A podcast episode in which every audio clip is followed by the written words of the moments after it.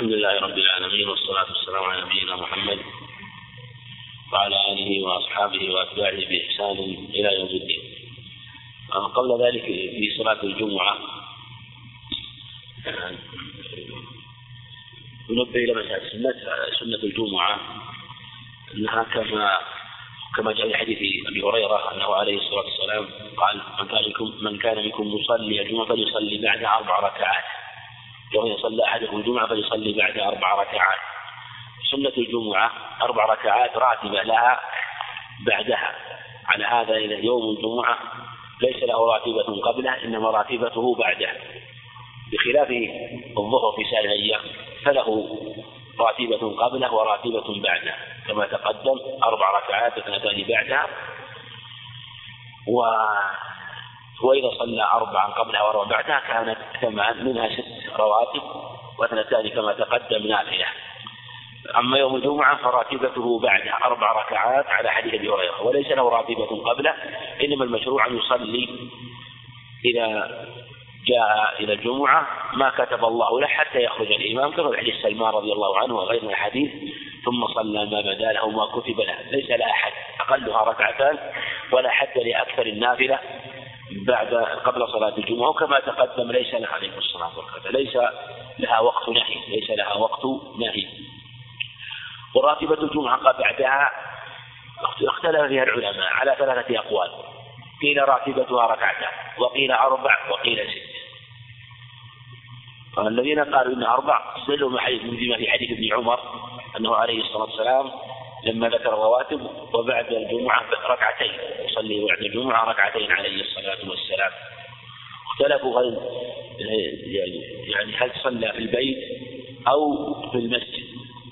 قال بعض العلماء صلى في بيته صلاها ركعتين لأن في حديث عمر أنها ركعتين في بيته. وإن صلاها في المسجد صلاها أربعا لحديث حديث هريرة وأن إنه ذكر الصلاة بعد الجمعة حديث ابن عمر ذكرها ركعتين في بيته. ومنهم من قال إنها ست إنها ست ركعات. وهذا قول جيد قول من قال إنها ست ركعات يؤيده ما رواه أبو داود من حديث ابن عمر رضي الله عنه أنه كان إذا كان في المدينة صلى ركعتين بعد الجمعة وإذا كان مكة صلى أربع.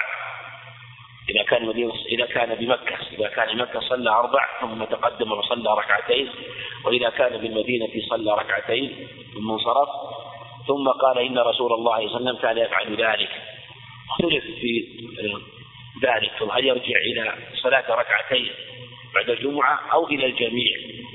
إلى الجميع بمعنى أنه كان ربما صلى عليه الصلاة والسلام أربعا بعدها وركعتين أربع ثم ركعتين ست ركعات كما صلى ابن عمر في مكة وأخبر أن الرسول عليه الصلاة والسلام كان يفعل ذلك. منهم من قال قول ذلك يرجع إلى صلاة ركعتين. دون الست التي صلىها ابن عمر في المدينة مكة. وقالوا إنه لم يعرف أنه عليه الصلاة والسلام صلى الجمعة أو أقامها في مكة. ومن قال إنه يشرع يصلي ست أيضا تأيد قولهم بما بحديث أبي هريرة الآخر رواه الطحاوي أخبر أنه عليه الصلاة والسلام صلى كان يصلي ست ركعات بعد الجمعة بعد الجمعة. وهذا يشهد لحديث ابن عمر ويشهد أن صلاة ست ركعات. حديث ابن عمر مرفوعة بدلالة حديث هريرة أنه صلى ست ركعات أنه صلى ست ركعات. وهذا القول بما تقدم لو لم يكن فيه حديث ابن عمر لكان محتمل محتمل أن الست بفعل عليه الصلاة والسلام. وكنت أظن من هذا أنه أنه هكذا يعني. وحتى وقفت على رواية أبي هريرة عند الطحاوي رحمه الله وقل من ذكرها من من كثير من المصنفين رواية جيدة. إسنادها جيد وطلعت على إسنادها جيد. لأنه صلى ست ركعات عليه الصلاة والسلام آه، بعد الجمعة بعد الجمعة. فإذا ضمنت إلى حديث ابن عمر دل على أنه يصلي ست ركعات فعلى هذا إن شاء صلى مثلا ركعتين ثم أربع مفقودة أو صلى إن شاء صلىها ركعتين ركعتين ركعتين. فسردها فيصلي ست. والأكثر على أنها أربع. واختار تقي الدين رحمه الله أنه إن صلى في المسجد صلى أربع وإن صلى في بيته صلى ركعتين. أخذا بحديث ابن عمر في يقول في بيته وعموم حديث أبيه وحديث ووصفه أربع في المسجد لحديث أبي هريرة. وهذا التفصيل بالحقيقة فيه نظر وإن اختار ابن القيم أيضا. التفصيل هذا موضع نظر ولا دليل عليه. ليس عليه دليل واضح لأن حديث أبي هريرة صريح أو عام. عام أو مطلق في جميع الأحوال. ولم يفرق. قال إذا صلى أحدكم الجمعة فليصلي أربعة بعدها أربعة. من كان منكم مصلي الجمعة فليصلي بعدها أربعا وعلى هذا نقول يصلي بعد الجمعة أربعة أو ست سواء صلى في بيته أو صلاها في المسجد. هذا هو الأقرب. وأن راتبتها آه، ما في حديث أبي هريرة أو ما أو في مسلم أو ما في حديث هريرة في مسلم وما رواه الطحاوي عن عنه وما رواه أبو داود عن ابن عمر. وأما قبلها فلا راتبة لها كما تقدم. وما جاء أنه كان يصلي أربعا قبلها حديث لا يصح. بل حكم عليه بعضهم بأنه موضوع. يصلي أربع قبلها فإنه حديث لا يصح. وحكم عليه بعضهم أنه موضوع وهو موجود في بعض السنن المسؤول الماجه يعني في الحديث كما تقدم لا يتولى الثابت الصحيح بل هو في غير الصحيح والحث عليها والإكثار من الصلاة حتى يخرج الإمام. نعم. أما ما يتعلق بصلاة العيدين فصلاة العيدين يشمل كما كما هو معلوم صلاة عيد الأضحى وعيد الفطر وهما عيدان لأهل الإسلام. عيدان لأهل الإسلام. عيد للفطر من رمضان وعيد وعيد ليوم النحر بعد الفراغ من الحج. بعد الفراغ من الحج. فهذا هو عيد أهل الإسلام. وروى أبو داود بإسناد صحيح وكذا النسائي أن النبي عليه الصلاة والسلام قال إنه قدم المدينة ولهم يومان يلعبون فيهما. يوم النيروز والمهرجان. خذوه من الفرس والرومان. فقال ما هذان اليومان؟ قالوا إنهما يوما يوم عيد لنا في الجاهلية. فقال عليه الصلاة والسلام إن الله أبدلكم بهما أبدلكم بهما يومان عيد الفطر وعيد الأضحى. ويوم العيد يوم سرور وفرح مع عبادة. فالفرح فيه والسرور والله فيه عبادة يتعبد بها العبد لله عز وجل. ولهذا كان من أفضل الأيام ومن أجلها مع أنه مشتمل على شيء من اللهو الذي هو في غير هذا اليوم نوع من اللهو الباطل. لكن لما كان يوم فسحة ويوم سرور وشكر لله عز وجل وأيام العيد أيام أكل وشرب وذكر لله عز وجل كان يوم يوم عبادة عظيمة مع ما اقترن به من اللهو. ولهذا قال كان كما رواه ماجه وغيره أنه قال قال ما لي أراكم لا تقلسون كما قال عياض بن عبد الله الأشعري وقيس بن سعد بن عبادة. يعني إنه أنكر عليه لما جاء يوم العيد جاء إليه إلى بعض الناس في يوم العيد قال ما لكم لا تقلسون كما كان يقلس لرسول الله صلى الله عليه وسلم. التقليس واللهو واللعب هو ما يكون من الغناء والفرح في هذا اليوم. ثبت في الصحيحين من حديث عائشة رضي الله عنها أنه عليه الصلاة والسلام قال قال لابي بكر يا بكر دعهما فانهما يوم عيد. وقال إن لكل قوم عيدا وهذا عيدنا أهل الإسلام. وفي اللفظ الآخر من حديث كما روى أحمد والسراج مسنده قال لتعلم يهود أن إن أن في دين الرسل إني بعثت بحنيفية سمحة إني بعثت بحنيفية سمحة أي حنيفية في التوحيد سمحة في العمل بل من الحنف وإنها الميل مائل عن الشرك تبع ملة إبراهيم حنيفا وسمحة في العمل والدين كله سماحة ويسر وسهولة. آه، فهذه فهذا العيد عيد عظيم وما فيه أيضا من اللهو فإنه يكون عباد الله عز وجل. ولهذا حرم صوم يوم هذين اليومين. وهنالك عيد ذلك تقدم وهو يوم الجمعة وهو عيد أسبوعي. والعيد سمي عيدا لأنه يعني من العود لأنه يعود. فيعتاد في هذا اليوم أو في هذا اليوم فهو من العود لأنه يذهب عيد ويأتي عيد فلهذا سمي العيد عيدا. والعيد وصلاة العيد ركعتان وهذا محل إجماع من أهل العلم في عيد الفطر وعيد الأضحى. وثبت في الأخبار حديث الإمام بشير وغير حديث سمر الجندب أنه كان يقرأ في الأولى في يعني يقرأ في في الأولى قاف الثانية قد اقترب وتشق القمر وفي بعضها يسبح والغاشية. دل على أنهما ركعتان في حديث عبد الله بن عامر حديث عائشة يكبر الأولى سبعا وفي الثانية خمسا هذا واضح في الأخبار أنهما ركعتان وهذا محل اتفاق من أهل العلم في صفة صلاة العيد. قال في الأولى سبع تكبيرات قبل القراءة. الأولى سبع تكبيرات قبل القراءة. هذا هو المشروع. سبع تكبيرات كما في حديث عبد الله بن عمرو أنه عليه الصلاة والسلام كبر سبع تكبيرات قبل القراءة. كبر سبع تكبيرات قبل القراءة. وفي الثانية خمس قبل القراءة. وهذه مسألة فيها خلاف بين أهل العلم في تكبيرات العيد وفي عددها على أقوال كثيرة. أصحها هذا القول أنها سبع قبل القراءة بتكبيرة الإحرام. تكبيرة الإحرام. ثم يقوم ويكبر خامسا بعد القيام.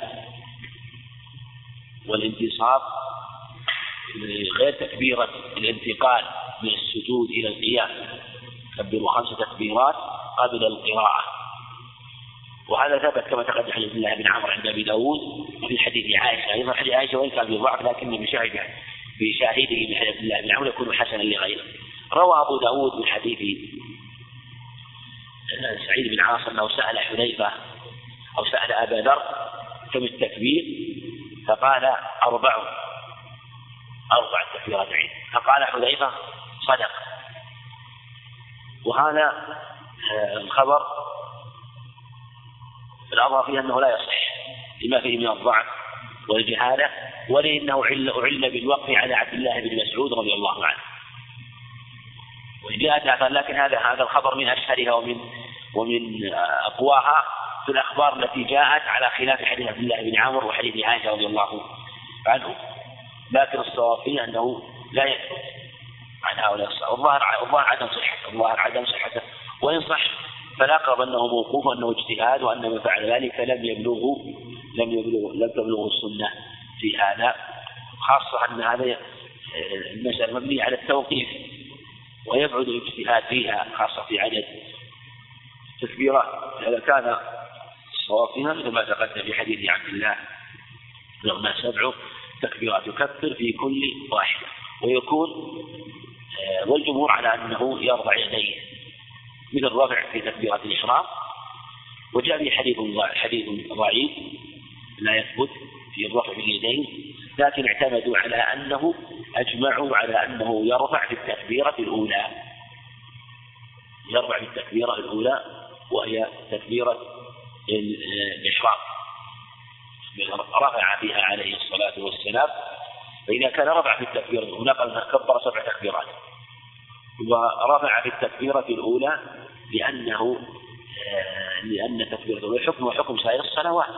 حكم سائر فالأظهر أنه رفع في التي بعدها حتى السابعة ولو كان لم يرفع لنقل ونبين حيث أنها تخالفها في الصورة من جهة الرفع. فلما أنه أجر ما بعد الثانية في تكبير مجرى الأولى فالظاهر أن يجرى ما بعد أنهم أجروا ما بعد الأولى في التكبير مجرى الأولى. كما هو نص الخبر كذلك يجرى ما بعد الأولى في الرفع بالتكبير مجرى الأولى لأنهم لم يستثنوها والقاعدة أن الشيء الذي يخالف ينص عليه والسكوت عنه مما يدل على العموم فيشمله الصفة الأولى قولا وفعلا قولا بقول الله أكبر وفعلا في رفع اليدين. أما الخمس التي الثانية فكذلك لأنه قد كبر خمس تكبيرات آه، فالظاهر أنها كالأولى. ومنهم من قال يعني أيضا أو أو قد يقال أنهم يستدلون من جهة في الجنازة أنها أربع تكبيرات ومع ذلك ترفع الأيدي في الجنازة ترفع الأيدي في الجنازة.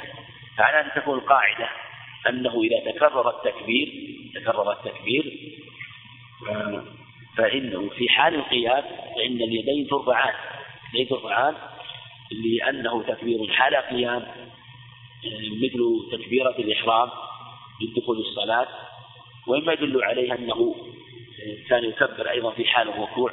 فكان في حال القيام سواء كان منتصبا أو في في التكبير إلى القيام. من تكبير من التشهد الأوسط إلى الرفع تبقى قيام كذلك أيضا ما كان قريبا إلى القيام من تكبير الركوع وتكبير الرفع من الركوع. فقد يقال إن هذا المعنى أيضا يدل على أن كل ما كان آه، قياما أو قريبا منه أو قياما إليه رفعا إلى القيام فإن حكمه حكم القيام ولهذا لم يكن يرفع يديه السجود عليه الصلاة والسلام كما في حديث ابن عمر الصحيحين. مع ان تكبيره تكبيره تكبيرات الجنائز ثبت مرفوعا من حديث ابن عمر عند الدار قطني في الأفراد أنه رفع يديه عليه الصلاة والسلام في تكبير آه، الجنازة. رفعه عمر بن شبه النميري وثقة حافظ رحمه الله وإن عله بعضهم بالوقف فإن مثل هذا له حكم له حكمه عند بعض العلم. كذلك أيضا جاء عن ابن عباس رفع الجنازة القصد من هذا أنه كأنه والله أعلم أن كل تكبير يكرر حال القيام فإن اليدين ترفعان معك كما يرفع الجنازة وقول الجمهور خلافا للأحناف الذين يقولون يرفع يديه في التكبيرة الأولى في الجنازة دون رفع اليدين فيما بعد الأولى فيما بعد الأولى. ويمكن أيضا ويظهر الله أعلم أيضا أنه أن ما نقل في أربع تكبيرات لتقدم الإشارة إليها أربع تكبيرات التي تقدم إليها في حديث أبي ذر. نعم وحديث من مع أبو أبو ذر؟ أربع تكبيرات. نعم. نعم يعني نعم أبو ذر. حذيفة قال صدق قال حذيفة صدق آه، صدق لما سأل سعيد بن نعم. كذلك ابن مسعود جاء عنه موقوفا. صح إنه موقوف. يمكن والله أعلم أن يقال إن هذا الاثر إن صح إن صح إلى هؤلاء الصحابة. إن صح اليهم كأنه والله أعلم يمكن يعني ما أدري عنها لكن قد يقال إنهم ألحقوها بالجنازة. ألحقوها لأنهم لم يثبت عندهم شيء عن النبي عليه الصلاة والسلام في آه، في الرفع في التكبير. قد في نص على في عدد التكبيرات يعني في العدد كأنهم والله أعلم نظروا أن إلى الجنازة وأن الجنازة أيضا تشبه صلاة العيد من جهة أن يخرج يخرج بها في الصحراء ويصلي على جنازة الصحراء وكان عليه الصلاة والسلام تعظيما لأنه يصلي عليه الصلاة. فلهذا جعلوها أربع كان من باب القياس وإلحاق يعني ثبت عنه كما تقدم لكن الثابت هو ما جاء في حديث ابن عمر وحديث عائشة رضي الله عنه. نعم. وهي نعم وهي ركعتان نعم.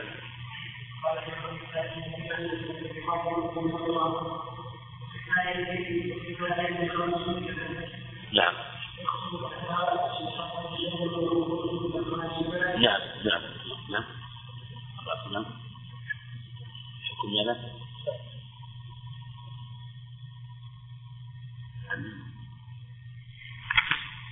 صلاة نعم. الله. صلاة العيدين يظهر الله أعلم. اختلف العلماء منهم من قال فرض كفاية ومنهم من قال سنة ومنهم من قال واجبة والأقرب والله أعلم أنها فرض عين. هذا الأقرب والله أعلم.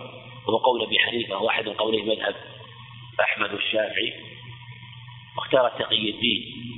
هو أنها واجبة بالأوامر بها وأنه عليه الصلاة والسلام أمر بإخراج النساء وذوات الخدور أمر أن يخرجن.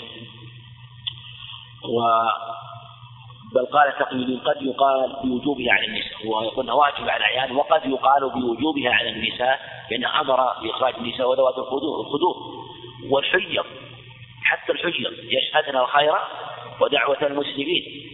وهذا لا شك من أبلغ الأدلة في وجوبها. يعني دليل بالغ.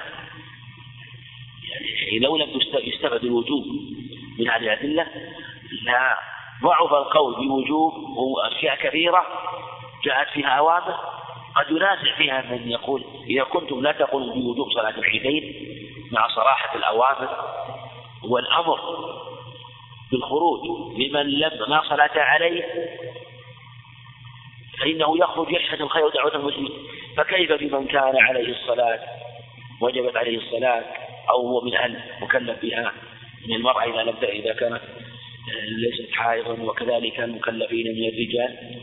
باب أولى أنه أن الأمر في حقه آخر أن الأمر في حقه آخر. ثم أيضا من جهة المعنى الاجتماع لصلاة العيدين والخروج لها والتهيؤ لها وكثرة الاجتماع. أعظم من الاجتماع لصلاة الجمعة. صلاة الجمعة فرض بالإجماع فرض بالإجماع للنصوص العامة في صلاة الجمعة وللنصوص الخاصة التي جاءت في صلاة الجماعة. جميع الأدلة التي جاءت في الأمر بصلاة الجماعة يستدل بها في وجوب صلاة الجمعة من باب أولى يعني. مع النصوص الخاصة الواردة في صلاة الجمعة المتقدم شرع إليها. كذلك أيضا جميع النصوص التي وردت في صلاة الجماعة. والنصوص اللي وردت في صلاة الجمعة يستدل بها على الأمر بصلاة العيدين. لأنها أعظم اجتماع من أعظم شعائر لأهل الإسلام. ولهذا شرع فيها ما لم يشرع للتكبير. وكذلك في يوم من صدقة الفطر في في ليلة العيد وقبل ليلة العيد ويوم العيد قبل الصلاة هذه شعائر عظيمة مما يدل على على لزومها والأظهر وجوبها كما تقدم. نعم. نعم. نعم ويخطب بعدها. الجمعة ركعتان. قول المصنف ويخطب بعدها يدل على أن الخطبة بعد الصلاة. هذا في الصحيحين في عدة أخبار عنه عليه الصلاة والسلام. حديث البراء بن عازب حديث جابر بن عبد الله حديث هريرة أنه عليه الصلاة والسلام صلى ثم خطب. صلى ثم خطب عليه الصلاة والسلام.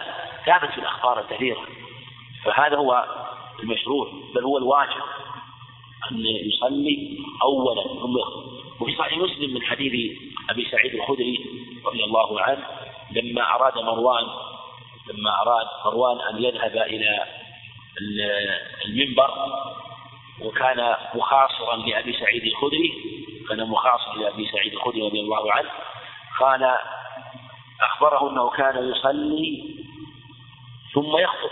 أنه كان يصلي ثم يخطب. فقال وأبو سعيد يريد أن يأتي به إلى المصلى ومروان يريد أن يذهب إلى المنبر. فقال يا أبا سعيد قد ترك ما هنالك إن القوم لم يكونوا يجلسون لنا. فقال ما أعلم خير مما تعلمون أو كما قال رضي الله عنه. ثم قال رجل تركت السنة يا مروان. ثم قال أبو سعيد رضي الله عنه أما هذا فقد أدى عليه سمعت رسول الله صلى الله عليه وسلم يقول من رأى منكم منكرا فليغير يده فلم يستطع فان لم يستطع بلسانه فلم يستطع فبقلبه والحديث في هذا. كثير اختلف العلماء في من في أول من بدأ بالخطبه قبل الصلاة. المشهور أنه مروان. وقيل معاوية. وقيل قبل ذلك وقع في عهد عثمان. والعراقي وجماعه من العلم يقول كل ما جاء عن الصحابة لا يصح. الثابت هو عن مروان. ومن العلم من قال لا هو كان موجود قبل مروان ممن خفي عليه الأمر أو أو تأول. وبالجمله الواجب أن يصلي اولا ثم يخطب بعدها ثم يخطب بعدها. فالصلاة أولا الصلاة أولا. هذا هو الواجب. عكس الجمعة الخطبة أولا. والاستسقاء كما سيأتي مخير. استسقاء مخير بعدها. وخطبة يوم عرفة الخطبة قبل الخطبة قبل الصلاة. فعلى هذا تحرر أن في أن أن أن هذه الصلوات في العيدين الصلاة أولا. وفي الجمعة الخطبة أولا. وفي الاستسقاء مخير بينهما لأن الجميع ورد. نعم. والخطبة سنة ليست واجبة. وثبت عن عبد الله بن السائب عند أبي داود أنه عليه الصلاة والسلام قال إنا نخطب فمن شاء جلس ومن شاء انصرف. شاء جلس ومن شاء صرف وهذا آه يعني مما يدل على التسهيل والتيسير في أمر العيد. مع أنه يوم عبادة وأن هذه الصلاة مع عظمها إلا أن الشارع الحكيم راعى أحوال الناس. حتى الخطبة هذه مع أنها خطبة يسيرة لكن قدم الصلاة أولا لأن هي العبادة المقصودة الأمر الثاني أنها أنه يخطب الناس ثم من شاء حضر الخطبة ومن شاء لم يحضرها ليست واجبة فقد يحتاج الناس إلى استعجال فيخرج من يخرج يوم عيد ولهذا قد تكون حاجة مثلا إما آه، مثلا في يوم عيد الأضحى فيتعلق بنسكه وأضاحيه وقد يكون غير ذلك وكذلك في عيد الفطر. نعم.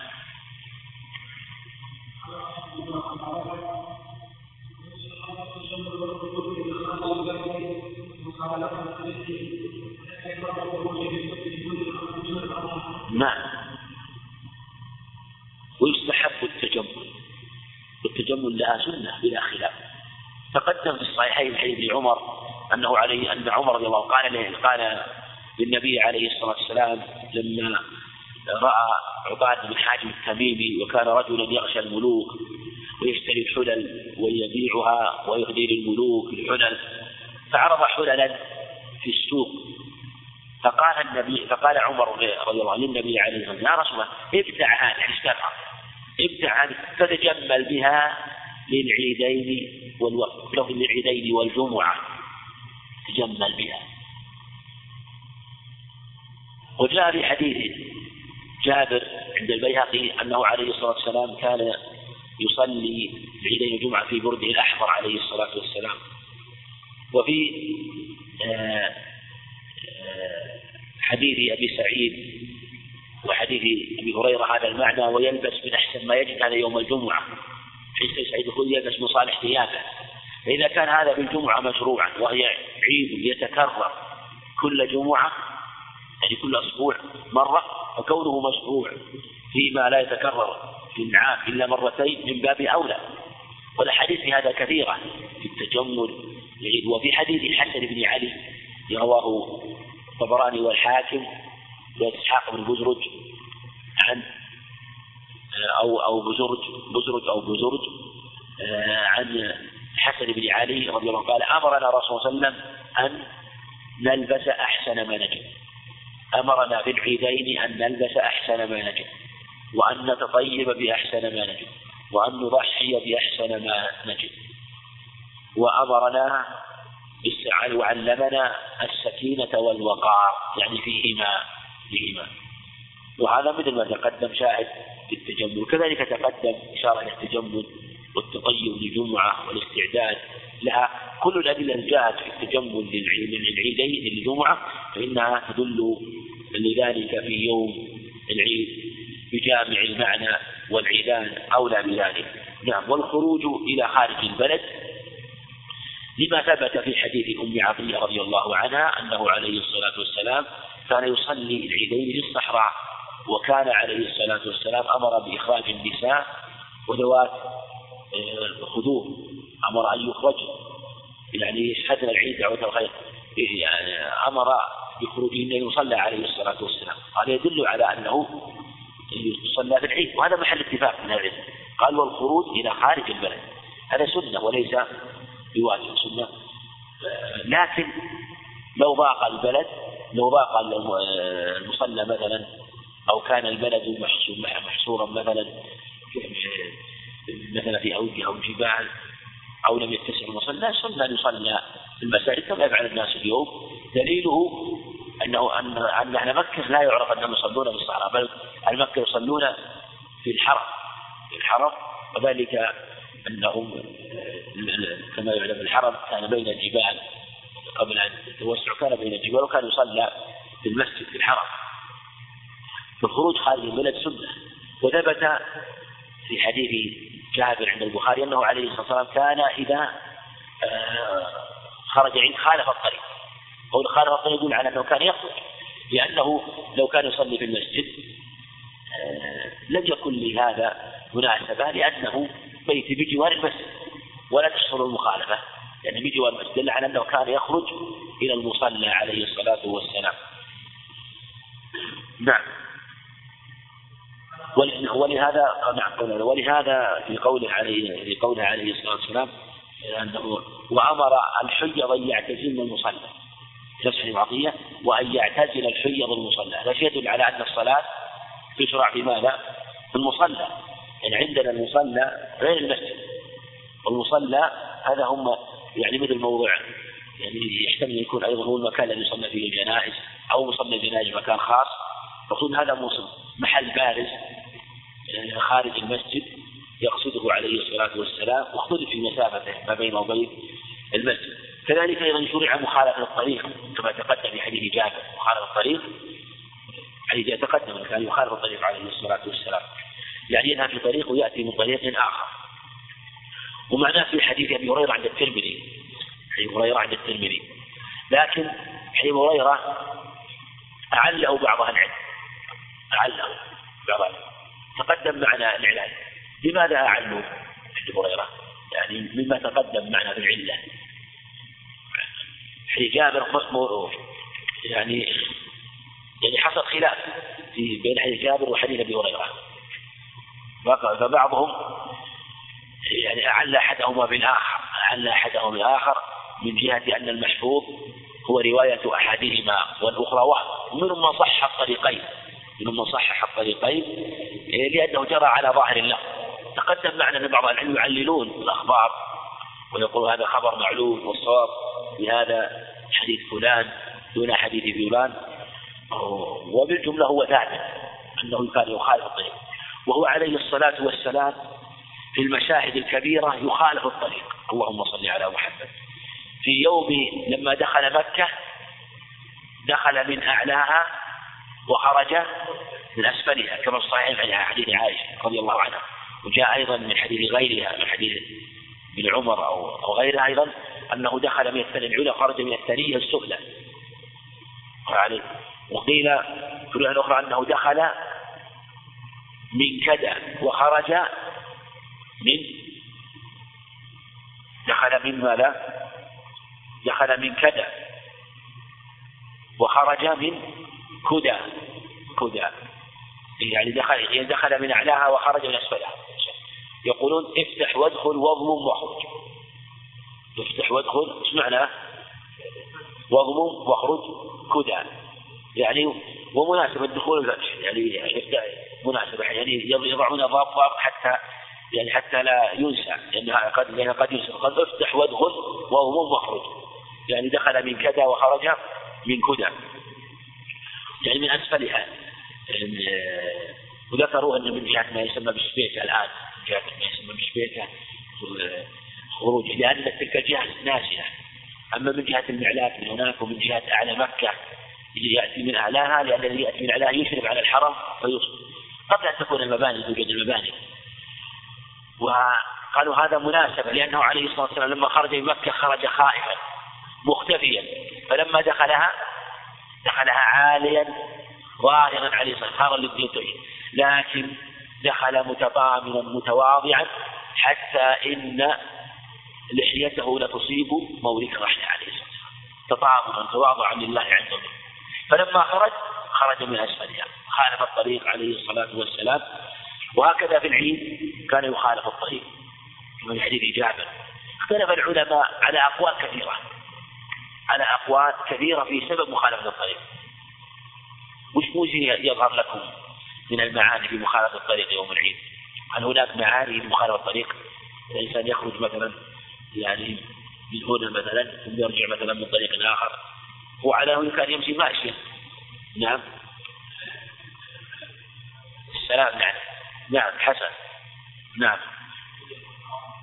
شهود نعم يعني يعني خطوة من هنا خطوات أخرى نعم. نعم. الرأس.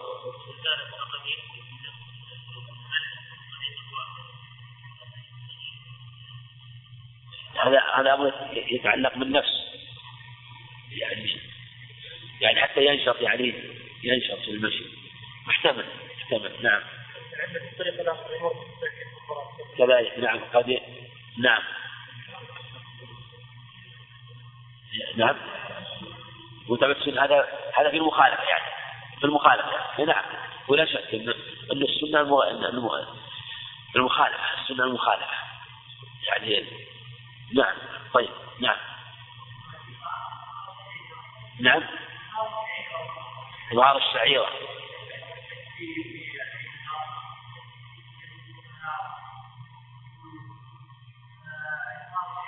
نعم. نعم. فرق يعني يعني يكبر هذا الطريق ويكبر هذا الطريق وأيضا على قول على قول من قال لكن ما يدرس بينها انه دليل شهود هذه الوقع والله أعلم أن عليها جاءت إلا قبل يوم يومئذ تحدث أخبار اخبارها يعني. نعم. نعم. هذه الحقيقة وذكروا معاني كثيرة. لكن يظهر والله نقول كل معنى لا نكارة فيه فهو صحيح. ما فيه دليل. نقول كل معنى لا نكرة فيه فهو صحيح. ثم أيضا يعني ولعل ذكر الإخوان أنه يكون سببا أنه يشيع الخير يسلم على طريق يسلم على هؤلاء يسلم على هؤلاء. وجاء وروى الإمام أحمد رحمه الله آه، من حديث عبد الرحمن عثمان الطيبي أنه رأى النبي عليه الصلاة والسلام يوم العيد في السوق واقف والناس يمرون. واقف والناس يمرون بضعف حديث فيه ضعيف لكن يعني هو خير من الرأي يعني مجرد المحض لكن كما تقدم هذه كلها معاني ما ثبت منها ولا غرابة فيه وقال صحيح. من جهة أنه ربما إشاعة السلام الصدقة إظهار الشعيرة في ذلك اليوم. معاني كثيرة كلها آه، مطلوبة مطلوبة. في غير يوم العيد فيشرع ذلك. ومخاف كذلك يشرع الأكل قبل الخروج في الفطر دون الأضحى. يسن الأكل سنة وهذا ثبت في صحيح البخاري من حديث أنس رضي الله عنه عليه الصلاة والسلام كان لا يخرج يوم الفطر حتى يأكل تمرات. لا يخرج يوم الفطر حتى يأكل تمرات. وفي لفظ عند البخاري معلقا ووصلها أحمد والبخاري علق جزما ويأكلهن أفرادا. أفرادا. جاء عند ابن حبان وغيره. بعض المعاجم يأكل ثلاثا أو خمسا أو سبعا أو أقل أو أكثر. أو أقل أو أكثر. يأكلهن أفرادا عليه الصلاة والسلام. وهذا هو السنة في يوم الفطر أن تأكل قبل أن تخرج. أن تأكل قبل أن تخرج سنة. ويوم الأضحى السنة أن يؤخر الأكل حتى يرجع. ويدل عليه مفهوم حديث أنس. وروى أو أبو داود وغيره عن حديث حديث بريدة أنه عليه الصلاة والسلام كان لا يخرج يوم الفطر حتى يطعم. ولا يطعم يوم الأضحى حتى يرجع. لفظ عند أحمد حتى يذبح أضحيته إيش الحكمة في التفريق بين عيد الفطر وعيد الأضحى؟ هل هناك حكمة في التفريق بينهما؟ نعم. نعم. نعم.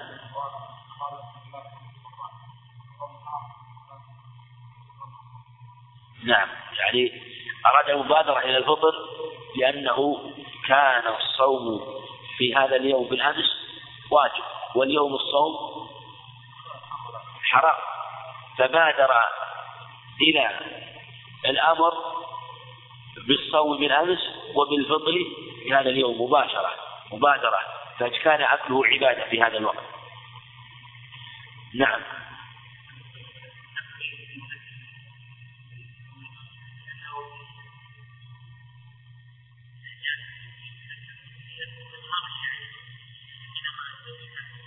نعم.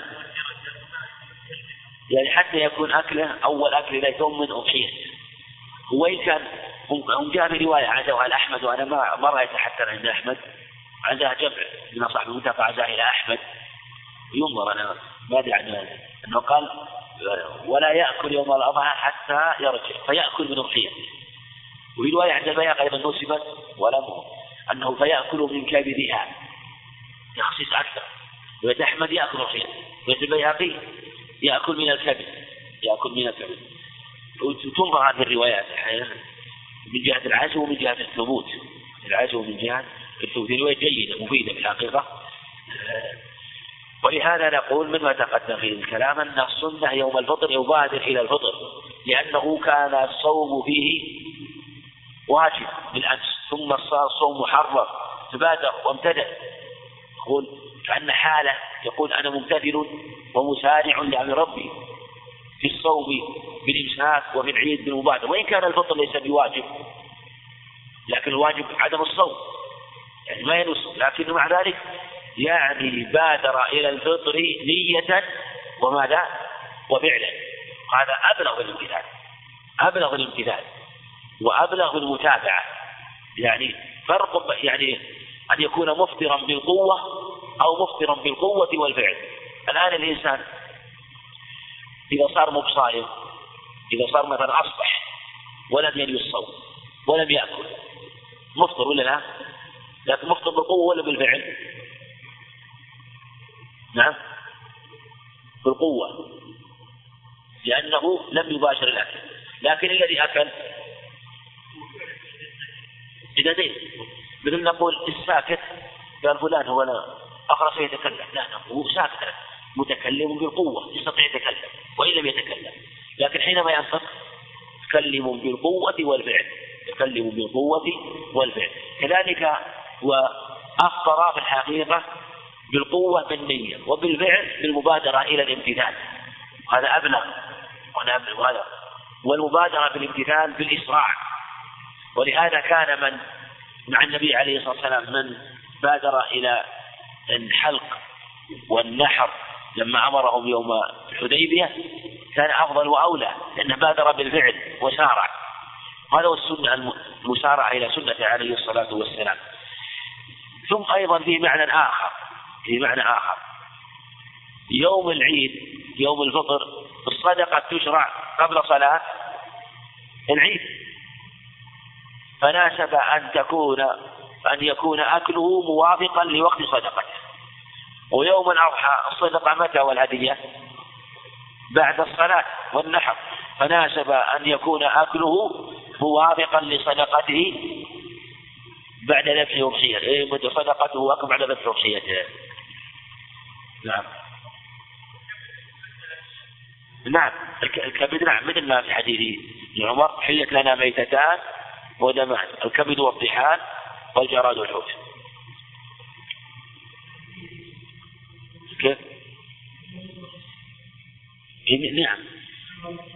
اي نعم اي نعم هذا هو. يعني هي هي يعني قسم من جانب تحت السنة يعني. اي نعم لا بأس. نية أو مطبوخة. أقول نيئة أو مطبوخة. يحصل المقصود بها. في حديث في حديث رواه صحيح أي حديث عبد الرحمن بن بكر الصديق. يعني مناسب ولا ولا ويعني لا علاقة له بالمطلق لكن من جهة أنه يقول إنه كانوا مع النبي عليه الصلاة والسلام 130 الصحابة رضي الله عنهم. في في في سرية. قال كنا 130 قد يكون في غزو ولكن آه، وهم أكثر لكن 100 كان 130 آه، مجتمعين وغيرهم قد يكون في لم يلحقوا بهم. قال فجاءنا رجل مشعان. مشعان. طويل يعني. ومعه غنم يسوقها. وكانوا بحاجة إلى الطعام وليس معهم شيء ينحرونه من الغنم ومن الإبل. فجاء بغنم فقال النبي عليه الصلاة والسلام أبيعا أم عطية؟ يقول عليه الصلاة والسلام. قال بل بيع. قال فاشتروا منه واحدة. فأمر النبي عليه الصلاة والسلام بذبحها. فأمر بسواد البطن. سواد البطن والشم الكبد قال فما من واحد من المئة والثلاثين إلا وقد حج له حجة إن كان شاهدا أعطاه إياها وإن كان غائبا خبأها له عليه الصلاة والسلام. فهذا فيه مبادرة إليها حتى في غير العيد في غير يعني القصد يعني بادر إليها هذا قد يقال قد قد يقال هو أن في الشاهد إلى المبادرة إليها في العيد ما بأولى. يعني لما ذبحها ما انتظر عليه الصلاة بل بادر إلى هذا الخير وأمر بها أن تقطع مباشرة مع أنه في غير في, في سفر فقد يفهم منها أنه مبادرة إليها في يوم العيد وإلى ما كان نضيجا طيبا سائغا كسواد بطنها مما بأولى بيوم العيد. نعم. نعم. نعم.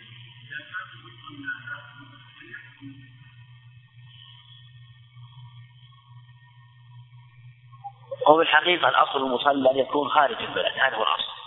لكن إن كان إن كان البلد واسعا بين البلد واسعا والخروج إلى خارج المصلى لا يحصل المقصود فالأظهر والله أعلم أنه يحصل الامتثال والمقصود. وذلك أنه لو قيل يصلى خارج البلد آه، في المصلى ويكون المسافة بعيدة يشق على الناس. الأمر الثاني ربما لم يشهدها كل الناس. الأمر الثالث ربما يكون من يستطيع شهودها في المصلى داخل البلد لو كانت خارج البلد ما استطاع الشهود لا كسل لكن ضعف فقد يكون فيهم الشيخ الكبير أو المرأة مثلا أو الصبيان الصغار الذين لا يمكن أن يشهدوها خارج البلد لبعده. فلهذا شرعت أن شرع يكون المصلى خارج البلد من جهة الصورة وأنه في مكان براح وفي صلاة ولهذا نص العلماء على أنه إذا شق على الناس الصلاة خارج البلد أو في المصلى لو كان مصلى خارج البلد شق على الناس مثلا لوجود مطر مثلا أو لغير ذلك فلا بأس أن يصلى داخل البلد. وجاء في حديث رواه أبو داود وهو ضعيف أنه عليه الصلاة والسلام صلى بالناس العيد في يوم في يوم لطيف يوم استدل به العلماء والحديث فيه ضعف لكن الدلالة من جهة عموم الأدلة دالة على هذا المعنى. نعم.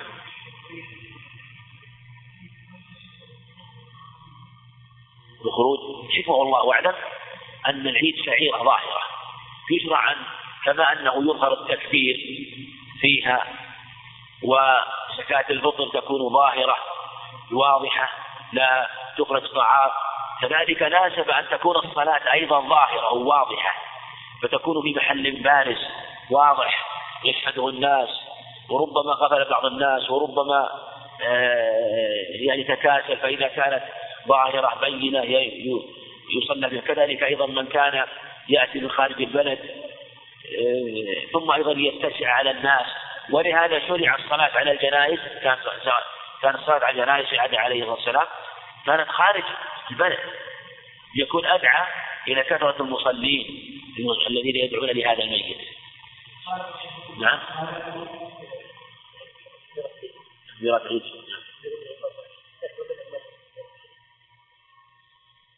يظهر الله أعلم أنه بعد الفراغ. أقرب الله أعلم أنه بعد الفراغ من التكبيرات هذا الاقرب قال سب كبر سبع تكبيرات. يقول كبر سبع تكبيرات فإنه والى فيها. بعضهم قال يسبع من التكبيرة الأولى. ومنهم أيضا من ذكر دعاء آه، بين التكبيرات. جاء حديث مرسل لكن ما يثبت. والاظهر والله لا يشرع بينهما تكبير وما جاء لا يثبت. جاء في خبر مرسل طريق بن عبيد الله بن عبد الله بن عتبة فهذا لا يثبت. وكذلك أيضا الاستفتاح الأقرب والله أعلم أنه يوالى مع القراءة. هذا الأقرب. نعم.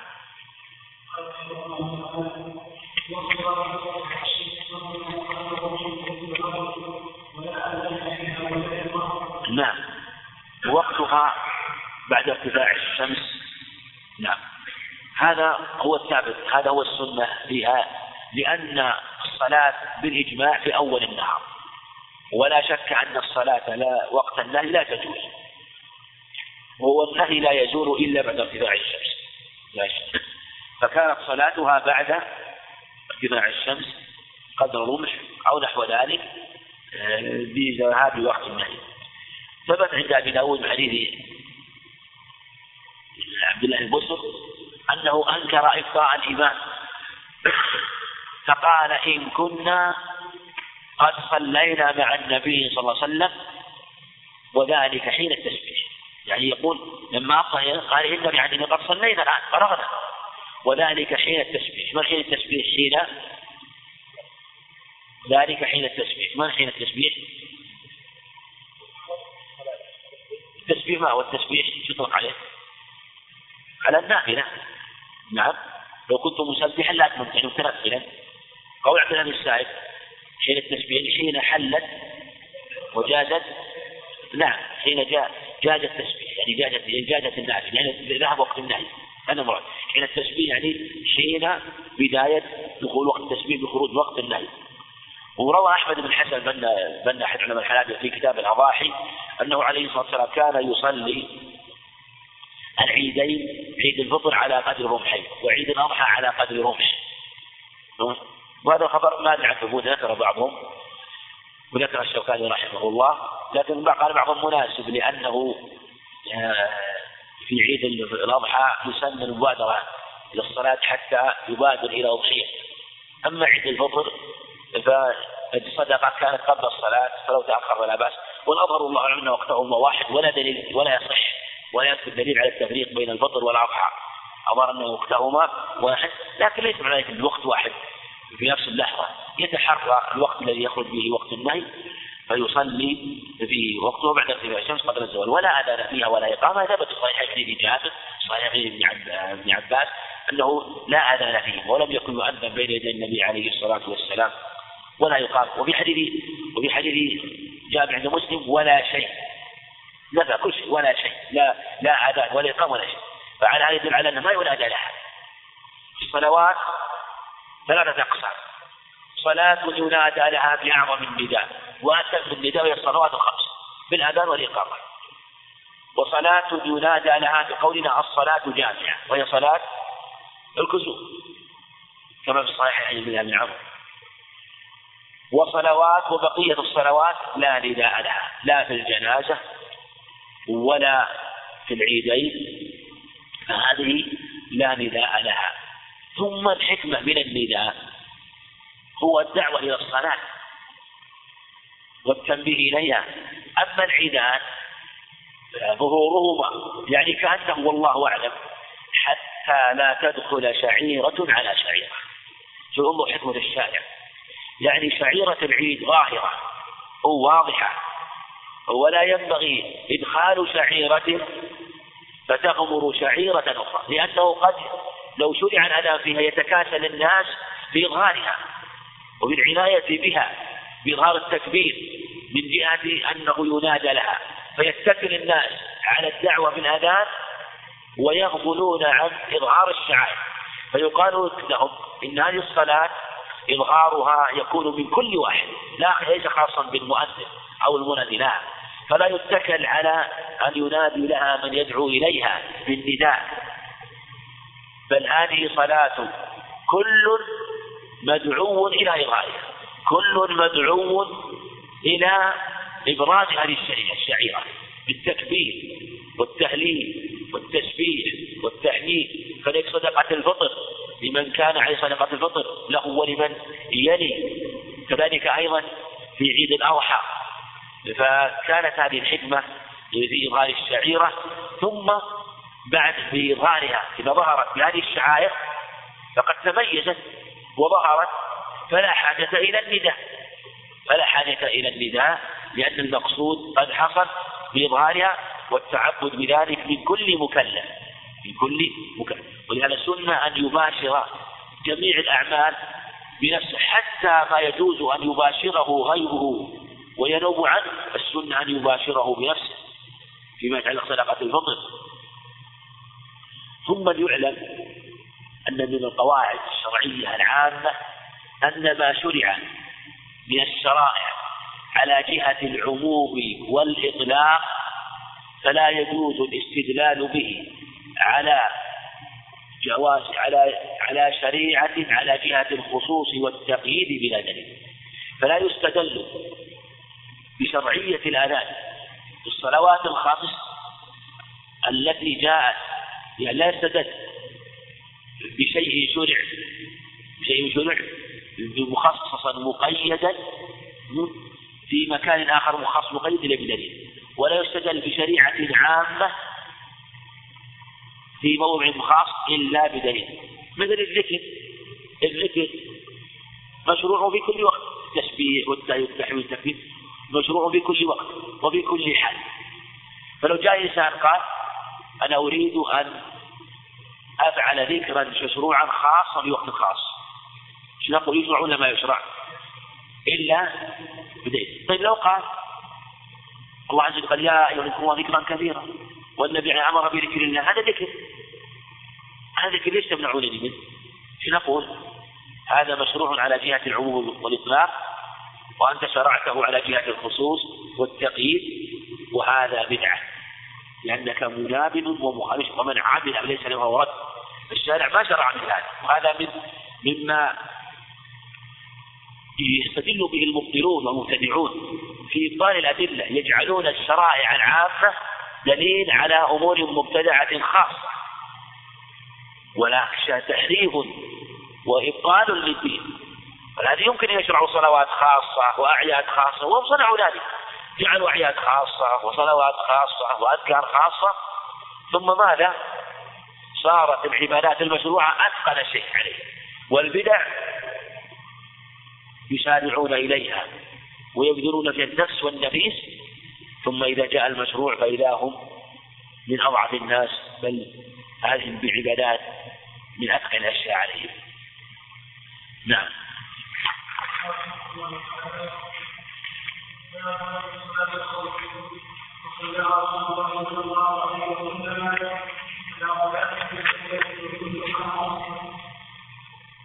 نعم.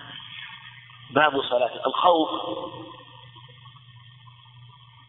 ضد الأمن من المخافة. والخوف سواء كان خوفا من عدو كافر أو من عدو مسلم له جمع كثير أو من عدو عدده يسير كقطاع الطرق ونحوه. كل من جاز دفعه وقتاله ممن يخاف غائلته وشرره فإنه تجوز صلاة الخوف في هذه الحال. صلاة الخوف في هذه الحال. فصلاة الخوف يشترط لها أن يكون هنالك عدو يخاف منه. أن يشترط لها شرط الشرط الأول وجود العدو الذي يحصل الخوف منه. الشرط الثاني أنها تصلى صلاة الخوف. دفع خوفا من العدو حينما لا يؤمن هجومه حال الصلاة. حينما لا يؤمن هجومه. فلو وجد العدو لكن يمكن أن نصلي صلاة أمن ولا نأمن ونأمن هجومه في هذه الحال فلا تصلى صلاة الخوف ولو كان العدو موجودا. لو كان العدو موجودا. بل لا بد أنه مع وجود العدو أن يغلب على الظن أنه يهجم أما إذا أمنا هجومه بكونه بعيد لا يمكن أن نصلي صلاة آمن واطمئنان قبل وصوله إلينا وقبل قربنا فيجب إقامة صلاة صلاة صلاة آمن واطمئنان. لأنها ثبتت بيقين في الذمة. ولا يجوز تغييرها إلا مع وجود الخوف المحقق أو الذي يغلب على الظن بشرطين. وصلاة الخوف مشروعة في الكتاب والسنة. يقول تعالى وإذا كنت في فقمت لهم فلتقل طائفة منهم معك وليأخذوا أسلحتهم. فإذا سجدوا فليكونوا وراءك ولتأتي طائفة أخرى. لم يصلوا فليصلوا معك وليأخذوا حذرهم وأسلحتهم. وهي مشروعة أيضا بعد النبي عليه الصلاة والسلام. وقول من قال إنه خاص به لقوله تعالى وإذا كنت فيهم فهذا قول ضعيف. لأن هذا الشرط خرج مخرج التعليل. ما خرج مخرج التعليل فلا مفهوم له. مثل قوله في صلاة السفر وإذا ضربتم في الأرض فليس عليكم جناح تقصروا من الصلاة إن خفتم أن يفتنكم الكفر فقول خفتم ليس شرطا في صلاة الخوف لأنها آه، خرجت على إحدى الصفات على إحدى الأحوال لمن كان مسافرا وعرض له العدو فإنه يصلي أي صلاة لكن أيضا نقول إن هذه الآية في الحقيقة الخوف هنا حينما يشرع القصران لأنه يشرع إذا كان مسافرا خائفا يشرع له في الصلاة كم قصر؟ قصران ما هما القصران؟ الرأس نعم القصر في الهيئة بالعدد إيش معنى القصر في الهيئة أو بالصفة؟ نعم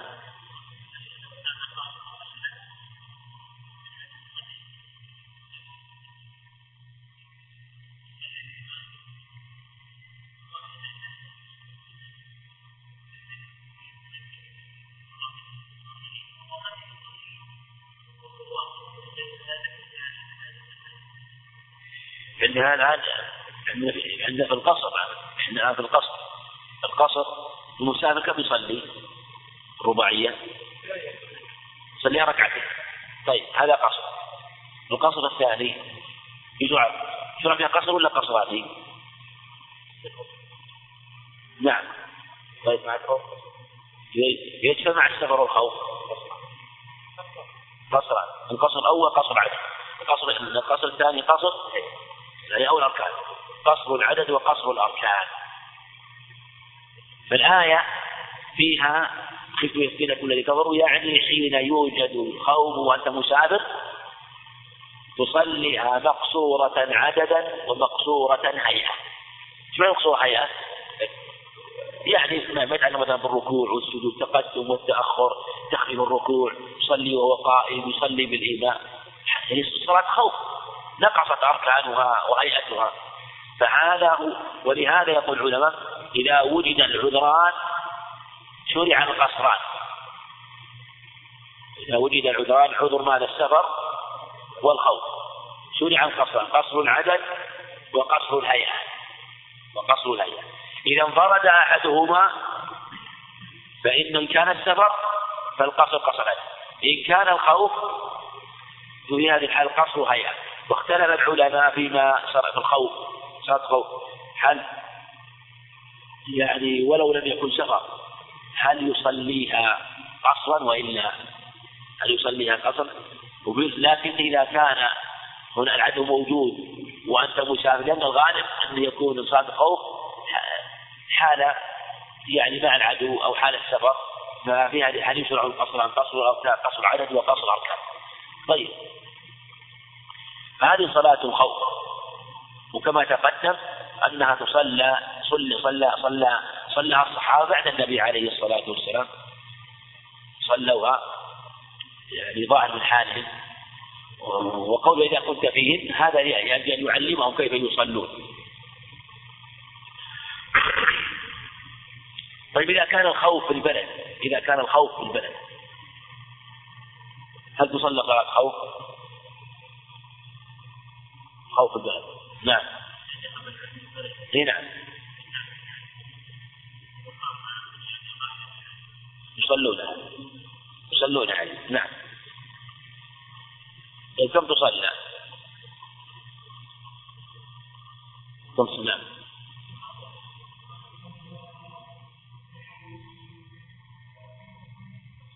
في الحضر يعني من داخل البلد.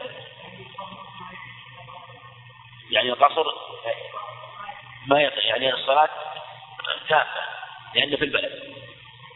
الصلاة تامة لأنه في البلد. إيه لأن لأنه مو مسافر حتى يقصر.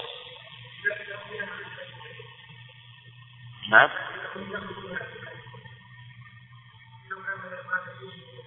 إذا الآن الآن يعني إحنا قلنا شرط شرط القصر موجود. الخوف موجود والعدو لا يؤمن هجومه. يصلونها كاملة لكن مقصورة الأركان. مقصورة الأركان. بعض العلماء يقال أنه كما سيأتي صلاة الخوف تصلى ركعة على بعض الصفات. صلى ركعة. هل تصلى ركعة داخل, داخل البلد؟ هذا أيضا في خلاف. بعض العلماء قالوا يصلونها ركعة. إذا كانوا خائفين صلى صلاة الخوف ركعة ولو كان داخل البلد. طيب القصر. صلاة الخوف الآن.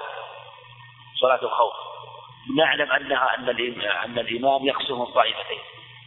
أو يقسمهم طائفتين طائف كل طائفة تصلي. أليس كذلك؟ يقسمهم طائفتين إذا كانت مثلا صلاة الظهر صلاة الظهر. والسفر كم تصلي الظهر؟ ركعة. ويصلي بطائفة يعني ركعة وبطائفة ركعة ثم على الخلاف الصفات الآتي بعضها إن شاء الله. طيب إذا كانت صلاة المغرب كم يصلونها؟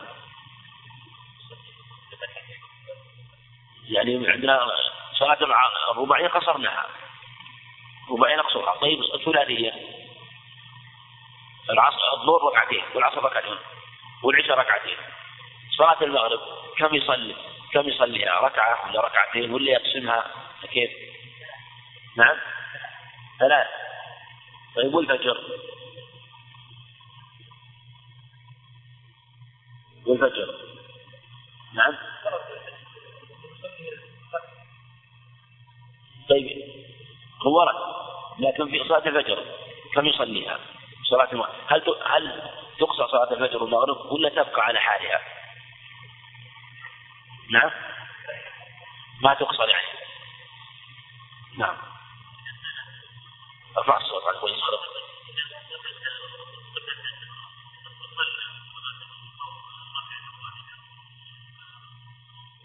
ولو ثبت خلاص انتهينا. إذا ثبت خلاص. ثابت ثابت. لو ثبت سمعنا وأطعنا. ما ما عاد قول نعم. تبقى يعني. يعني ما ما تقصر نعم. هم حكوا عليه الإجماع. وقالوا إنها لا تقصر قالوا صلاة المغرب والفجر كما أنها لا تقصر في حال السفر فلا كذلك حال الخوف لا تقصر. لا تقصر. تصلى كاملة. ولهذا إذا فرقهم فرقتين قالوا يصلي بالطائفة الأولى ركعتين وبالطائفة الأولى ركعة على قول الجمهور. وقيل يصلي بالطائفة الأولى ركعة وبالطائفة الثانية ركعتين ثم الطائفة الأولى تكمل الثالثة والطائفة الثانية تكمل الركعتين. إن تصلي الطائفة تصلي ركعتين تكمل ركعة. وإن تصلي ركعة تكمل ركعتين. وهكذا الطائفة صلاة الفجر كذلك. صلي ركعة ركعة ركعة ويكملون. أما صلاة الظهر والعصر على هذا على هذا صلاة الظهر والعصر والعشاء كم لها مصيبة في الخوف؟ كم لها مصيبة في الخوف؟ الفجر لها صفة واحدة والمغرب لها صفة واحدة صلاة الظهر والعصر والعشاء كم لها صفة؟ تصلي ويقول يمكن تصلى ركعة نعم يمكن تصلى ركعتين يمكن تصلى أربع فإن كانوا في البلد صلوا في البلد أربع. وما في السفر يصلون ركعتين وربما صلوا واحدا. سيأتينا وإن كان بعض العلماء قال إنها لا يشرع ركعة واحدة لكن الصحيح أنه على هذا الرباعي يجوز أن تصلى بالخوف ثلاث صفات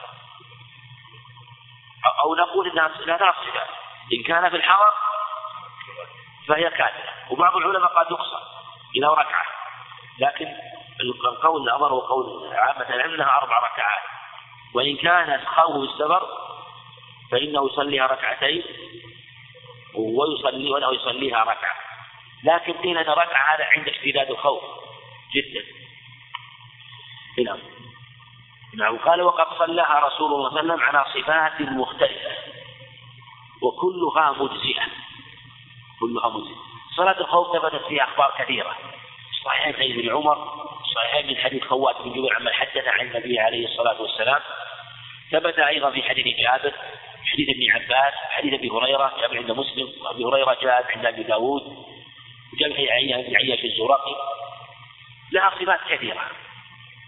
والصحيح أن هذه الصفات أنها كلها بدون أن يصلى بها. كما نقول في صفات الصلاة كما نقول في سائر ما جاء فيه صفات متعددة.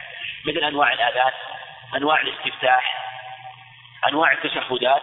فلا نقول هذا هذا النوع أفضل من هذا النوع. وهذا هو الصواب في مثل هذا يعني أهل السنة والحديث الله عليهم لا يرجحون نوعا على نوع لأن الجميع ثبت عن النبي عليه الصلاة والسلام. لكن ينبغي أن نقول إن صلاة الخوف نقلت عن النبي عليه الصلاة والسلام على صفات متعددة. وكان في كل موطن يصلي صفة هي أحوط في باب الحراسة وآمن من كيد العدل فكل صفة كانت أحوط في باب الحراسة وآمن في دفع كيد العدو هي الأفضل. ما نقول هذه أفضل من هذه؟ بل ننظر. تارة يكون مثلا كما قالوا يعني يكون العدو قريب. تارة بعيد. تارة في جهة القبلة وأن تصلي تارة في غير جهة القبلة. تارة يكون العدد جيش المسلمين كثير تارة قليل. فلهذا يختلف بحسب الحال وثبت في عدة صفات. في الصحيحين أنه عليه الصلاة والسلام أحرم بهم وصلى بطائفة وطائفة مواجهة العدل فصلى بهم عليه الصلاة والسلام ركعة. صلى بالطائفة التي مع ركعة وطائفة أخرى مواجهة للعدو. وطائفة الثانية معه صلي معه. ثم ينبغي يعلم أن الطائفتين لا يشترط أن يكون عددهما متساوي بل ينظر بالحال حسب الحال فلم فصلى بطائفة مع ركعة. ثم لما فرغ من الركعة وقام ثبت قائما. ثبت. ثم الطائفة التي معه. ماذا صنعت؟ كملت الركعة الثانية. والنبي قائم عليه الصلاة فكملت وتشهدت ثم سلمت وانصرفت. إلى مكان فرغت انتهت الصلاة. والنبي ماذا؟ قائم عليه الصلاة والسلام. فجاءت الطائفة الثانية الأولى اللي الثانية التي يعني الطائفة الثانية التي صلت ثانيا فدخلت معه في الصلاة. عليه الصلاة والسلام. إيه نعم. فقام فصلى بهم عليه الصلاة والسلام. صلى آه، بهم. بل بل صلت ركعة. صلت ركعة جاءت وهو قائم فصلوا ركعة وهو قائم. صلى الركعة التي قد صلىها ثم لما فرغوا منها صلى بهم ركعة وسلم بهم. الطائفة الأولى أدركت مع ماذا؟ الإحرام. الإحرام. ولم تدرك مع ماذا؟ التسليم. والطائفة الثانية لم تدرك مع الإحرام وأدركت معه التسليم. فالأولى أدركت أول الصلاة ولم تدرك آخرها والثانية أدركت آخرها ولم تدرك أولها. هذه صفة من صفة صلاة الخوف. الصفة الثانية مثلها. صلى بهم ركعة صلى بطائفة عليه الصلاة والسلام ركعة. ثم لما صلت ركعة ذهبت إلى مصاف يعني صفهم طائفتين. فصلى بطائفة ركعة. والطائفة الأخرى مواجهة للعدو مواجهة للعدو وكانوا قد أحرموا جميعا معه حول هذا. فلما صلى ركعة بهم لم يقضوا. ذهبوا إلى مصاف أولئك. ثم جاء أولئك ودخلوا معه في الركعة الثانية. ولم يصلوا الركعة الأولى بل صلى بهم الركعة الثانية. واضح الفرق بينهما؟ فصلى بالركعة الثانية. فسلم. لما سلم الآن كل طائفة إيش بقي معها؟ ركعة. الطائفة الأولى لا زال بقي ركعة. الطائفة الثانية لا زال بقي عليها ركعة. قال فسلم فقضوا ركعة ركعة هذه الصفة في حديث ابن عمر واللي قبلها في صفة التي قبلها في حديث خوات بن جميع عما صلى مع النبي عليه الصلاة والسلام.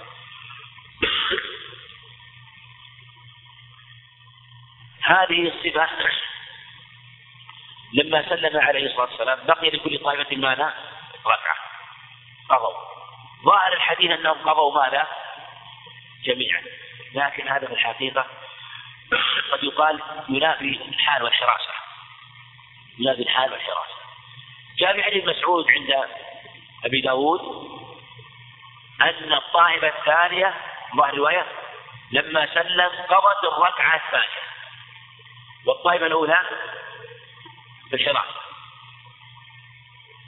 فقضت الطائفة الثانية الركعة ثم سلمت ثم ذهبت إلى مصرف هناك وجاءت تلك الطائفة إلى مكان الطائفة الأولى وقضت الركعة الثانية ثم سلموا. فظاهر هذا أن الطائفة الثانية والت بين ركعتين والطائفة الأولى لم توالي لكن الطائفة الأولى أدركت معه الإحرام كما تقدم. هذا أيضا صفة ثانية من صلاة الخوف وهي تفعل في حال أخرى من صفات صلاة الخوف جابر في صحيح مسلم أنه عليه الصلاة والسلام صفهم صفين. صفهم صفين. صف أمام وصف خلف فصلى بهم وأحرموا جميعا. وركعوا جميعا. فلما رفع انحدر الصف وسجد انحدر السجود الصف الذي إليه. والذي خلف باقي يحرس لأن السجود قد يحجب العدو فسجد فلما قام لما قام سجدوا. سجدوا. نعم سجدوا ثم قاموا. فلما قاموا تأخر الصف المقدم وتقدم الصف المؤخر. لماذا؟ حتى يحوزوا الفضيلة التي حاز الصف الأول. لأنهم حازوا ماذا؟ الصف في الركعة الأولى صار الصف الأول. هذا ممكن يستدل به أيضا في أحاديث فضل الصف الأول. استدل به أيضا مع أنهم ربما لو لو بقوا قد يكون من جهة عدم الخلال بالصلاة والحركة أفضل. ومع ذلك مبادرة حتى يستووا مع الطائفة تقدموا وتأخر الصف الأول حتى يحصل لهم فضيلة الصف الأول كما حصل للطائفة لمن أمرهم فقام بهم عليه الصلاة والسلام فركع بالجميع فركعوا فركعوا ثم رفعوا. ثم انحدر والصف الذي يليه والصف الثاني الذي كان مقدما في الركعة الأولى ماذا يفعل؟ يحرس. يحرس لأنه كان محروسا الركعة الأولى. هذا قد يكون من الحكمة أنهم يكونون في الصف الثاني حتى يحرسوا. حتى يحرسوا ولا يحول بينهم وبين الصف الثاني في إدراك الإمام فحرسوا. ثم لما سجدوا سجد النبي سجدوا ثم جلسوا للتشهد. فسلم بهم جميعا. هذه وش فيها من الزيادة. فيها ماذا؟ أنهم أحرموا جميعا وسلامهم جميع وفي مكان واحد. لكن هذه إذا كان العدو في جهة القبلة.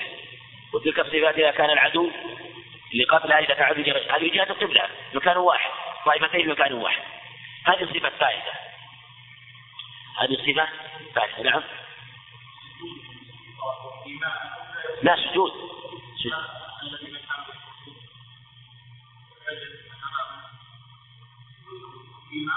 لا.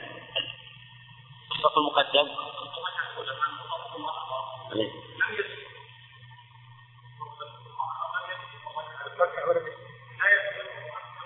سجد سجد.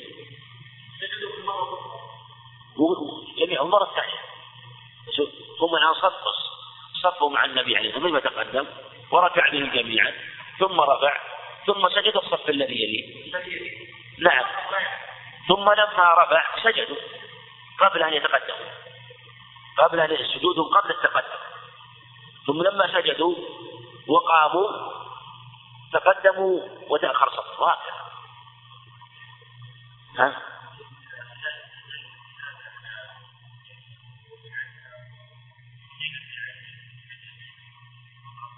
لا العدل واجب حتى بين الجمادات ولا لا؟ بين الجمادات ما يجوز العدل ولا لا؟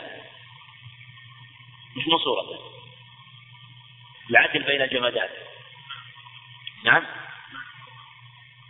هذا عدل بين الكتوف وهو جماد العدل بين يعدل بين كتفيه. لكن في جماد منفصل. كذلك أيضا جميع الاعضاء في لبس ماذا؟ الحذاء. ما يلبس حذاء واحد. نعم. كذلك أيضا. لكن شوف انظر إذا كان أحدهما أفضل يبتدأ به لكن ما يخلى الثاني مثلا حينما يلبس السراويل يلبس بالشق الأيمن. يدخل اليمنى قبل السنة. إذا تلبس إذا تلبس النعال مشط برجل اليمنى ثم الرجل اليسرى إذا وهكذا حينما يلبس يكون بدأ باليمين في كل شيء. ولهذا يعني جاء العدل في في صور كثيرة. فكذلك إذا كان في هذه الأشياء ففي أمر يتعلق بالفضيلة من باب أولى من باب أولى. ولهذا في باب الجلوس والشرب جهة اليمين أفضل.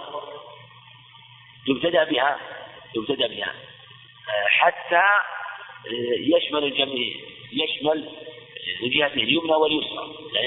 يعني لا تخلى من الفضيلة لكن الشأن يبتدأ بها. والفضل لجهة اليمين جهة اليمين سواء كان في الأعيان أو في غيرها أو في المجالس.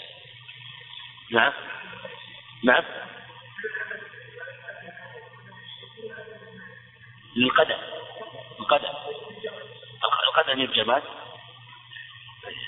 حية. نعم. يعني العدل أقول العدل يعني في في المعاني. العدل في المعاني مشروع. أقول العدل في المعاني مشروع يعني في يعني في المعاني مثلا في من جهة يعني من الجهات مثلا جهة اليمين والشمال جهة اليمين والشمال. آه، ولهذا مثلا في مسألة التناول مثلا التناول. التناول باليمين. لما كانت اليمين لما لما يستحسن كانت الشمال لما لما يتأتى به. أما مسألة الكي هذا يعني في باب في باب الوزن يعني أقول في باب الوزن. لكن المقصود ان ان, هذا في باب الفضائل. أقول هذا في باب الفضائل وباب المحاسن. نعم.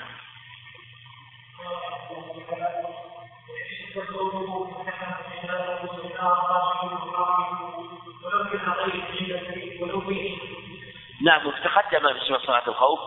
قول ذلك أيضا. ناصبات عدة أيضا حتى. ومن ذلك ومن أسفل الصفات ومن أيسرها من أسفل الصفات أنه يصلي بكل طائفة ركعتين يصلي بكل طائفة ركعتين. ثبت صحيح صحيح مسلم في جابر وروى البخاري معلقا مجزوما أنه صلى عليه الصلاة فرق الطائفتين فصلى بكل طائفة ركعتين. هذه من أيسر الأشياء صلى بكل طائفة ركعتين. وعند النسائي سلم. صلى ركعتين ثم سلم ثم صلى بالطائفة الثانية ركعتين. حديث بكر عند أبي داود أيضا صلى بكل طائفة ركعتين ثم سلم. وبالطائفة الثانية ركعتين ثم سلم. هذه أسهل وأيسر الصفات. ما فيها لا اختلاف ولا تقدم ولا تأخر. وفيه جواز اهتمام أو اقتداء المفترض بالمتنفس.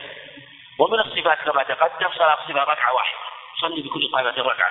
فثبت صحيح مسلم حديث ابن عباس وصلاة الخوف ركعة. ثبت أيضا حديث حذيفة حديث ابن ثابت حديث جابر أنه صلى بكل طائفة ركعة ولم يقضوا وهذا يخالف الجمهور لكنه حجة في أنها صلى ركعة واحدة. وإذا اشتد الخوف فالصفات يخفف فيها أكثر. ولذلك فإن خفتم فرجالا أو ركبانا. يعني عند الخوف وشدة الخوف تخفف الصلاة. حتى لو صلي بالإيمان. حتى لو صلي بالإيمان. عند التحام القتال يصليها الراجل والراكب والسنة أن يصلوا جماعة إذا أمكن ذلك. تقدم الإشارة إليه هذا. وهذا ثبت حديث ابن عمر في الصحيحين. وإن كان خوفا أكثر من ذلك صلوا رجالا وركبانا. وجاء عند البخاري مرفوع وجاء عند مسلم موقوف. وظاهر أنه مرفوع. لأن ابن عمر نقل صلاة النبي عليه السلام ونقل الصفة الأخرى بما إذا اشتد الخوف جدا. فإذا اشتد الخوف جدا خوف فيها حتى تكون الصلاة مجرد إيمان. إيمان. لكن تقدم معنا أنه إذا اشتد الخوف جدا من الحقيقة قد لا يعقل الصلاة ولا يؤديها تقدم أيضا أنه لا بأس أن تؤخر الصلاة ولو بعد خروج الوقت. وذكرنا قصة من فعل الصحابة. تذكرون دليل في المسألة؟ سبقت معنا في في صلاة؟ صلاة الزكاة في جهاد عمر. حديث نعم نعم. أنس حديث أنس. قال أنس؟ كنا بتستر. في عهد عمر رضي الله عنه لما حصل تستر مع ومعه موسى الأشعري. فحاصرناها عند الفجر عند إضاعة الفجر. حاصروا عند إضاعة الفجر. وكان العدو يعني وكانوا حول الأسواق آه، فخشوا أن يصلوا مع شدة الخوف والقتال أن يفوت عليهم. شيء من أمر الفتح قال فأخروا الصلاة. أخروا الصلاة رضي الله عنه حتى تبع طلعت الشمس. قال أنس ما أحب أن لي بها الدنيا وما عليها. ذكر البخاري رحمه الله صحيحا واستدل بها على أحد القولين يعني الشام قول مقتول والأوزاعي جماعة من العلم لأنها تصلى على طول خروج الوقت. وهذا قول قوي. يشهد لها أيضا واقع في عهد النبي عليه الصلاة والسلام. فيها خلاف في دلالة. لكنها دليل جيد ما هي؟ يوم الخندق. نعم يوم الخندق. صلى النبي العصر بعدما غربت الشمس. اللفظ الآخر صلى الظهر والعصر والمغرب والعشاء. جميعا. أخر الظهر والعصر والمغرب. كلها أخرها يعني خاصة الظهر والعصر. وفي خلاف في هذه الصلاة هل قبل الخوف وبعده. وإن كان ظهر قول أن كثير من العلم قال أن الأحزاب كانت بعد مشروعية صلاة الخوف ومع ذلك أخرها عليه الصلاة والسلام. فلا دليل على أنها منسوخة بصلاة الخوف. لكن ينبغي أن قوله ويشتد الخوف والتحم القتال صلىها الراجل والراكب. متى تصلى صلاة الخوف حد؟ الأصل صلاة الخوف ما تصلى بالإيمان. تصلى مثل ما نقل عن النبي عليه الصلاة والسلام. صف مقدم صف مؤخر طائفة هنا طائفة هذا الأصل. لكن متى متى يعني متى نقول إن صلاة الخوف تصلى بالإيماء؟ خاصة إذا قلنا بها على قول الجمهور. لأن ظاهر القرآن يخص برجال وركبان يعني إذا أمكن. إذا أمكن ذلك أن يصلوا رجالا ورجالا وركبان لكن اشتد الخوف جدا. ولم يمكن أن يعقلوا الصلاة. فالأظهر والله أنه الأظهر والله أعلم أنه أن لهم أن يؤخروا. كما فعل الصحابة رضي الله عنهم. لكن متى نقول إن هذه الصلاة تشرع؟ قد يقول قال طيب هل تشرع صلاة الخوف إمام وركبان على أي حال؟ في أي وقت اشتد الخوف أو لا بد له من شرط؟ مفهوم السؤال؟ أقول صلاة الخوف إيمان عندنا صلاة الخوف إما تصلى صلاة يعني بإمام وصف متقدم وصف متأخر يعني عندهم ركوع يركعون ويسجدون مع خوف على صلاة متقدمة لكن إذا اشتد الخوف جدا صلوها إيمان اشتد الخوف جدا. لكن هل يكفي مجرد اشتداد الخوف يصلوا إيمان نعم.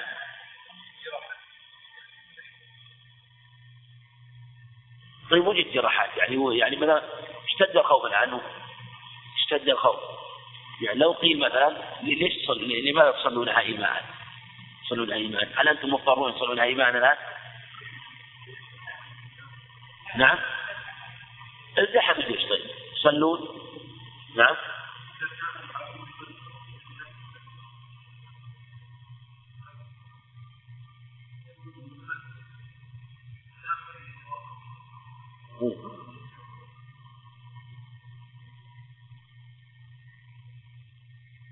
طيب. لو قالوا نصبر قليلا. إلى ميقات ثم بعدين نصلي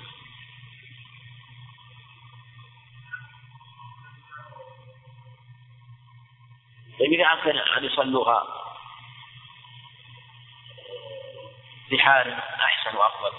بميقات العدو هذا عدو قليل. يعني صحيح أنهم صحيح ان إحنا الآن نقاتل ولا نستطيع لكن يمكن قتال ما يطول.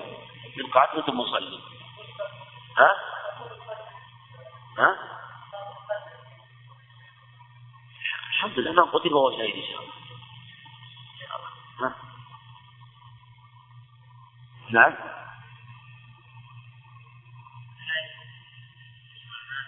نعم.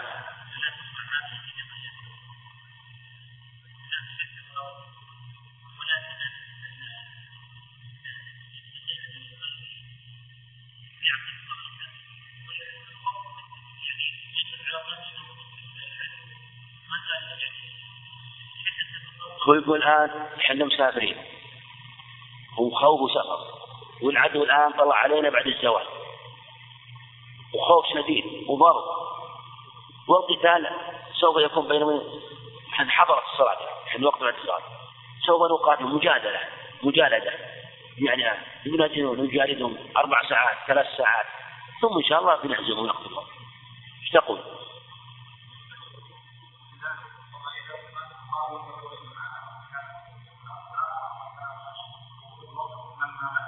أحسن. هذا هذا. نعم في جواب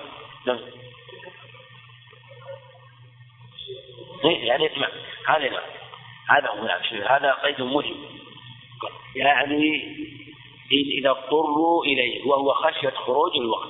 ولهذا ذكرت يعني يعني إذا كان مثلا اشتد الخوف اشتد الخوف وهم يقاتلون الوقت معهم واسع هم مضطرين لها لكن إذا كان نقول في هذه الحالة لو صار مثلا العدو يقاتلهم بعد الزواج قاتلون ها؟ نقول ما هم مضطرون الآن للصلاة الآن ولا بعد ساعة. صلاة الظهر تجمع إلى صلاة العصر. ويمكن تؤخر حتى ولو إلى وقت قريب من قبل قبل وقت الضرورة. ما دام الوقت واسع فهم يقاتلون قد ينتهي القتال والوقت متسع فيصلون صلاة اطمئنان. نعم. قد طابت أنفسهم بقتل العدو وطابت أنفسهم بصلاة جمع الحسنين فنقول ينتظرون حتى يطمئن. وإن كان لا. أن مثل ما وقع ضاق الوقت. الوقت ضاق. فالقتال يستغرق الوقت. وهم إذا استمر تركوا الصلاة خرج الوقت. في هذه الحالة هو الذي يصلونها صلاة إيمان. واضح هذا؟ نعم.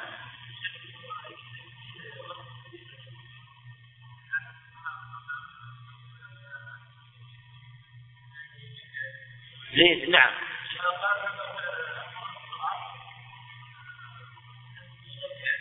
يخالف في الهدى نعم نعم. اي نعم هذا حديث روضة وهي جيد. بوب عليه مثل باب صلاه طالب ومطلوب هذا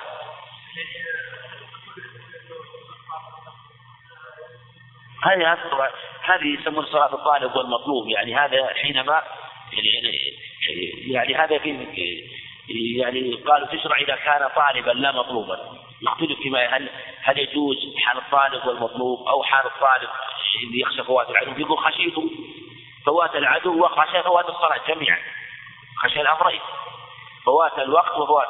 في هذه الحال أمر أن يصلي صلى إيمان ونقول لا تصلى في مثل هذه الحال على هذه الصورة. نعم؟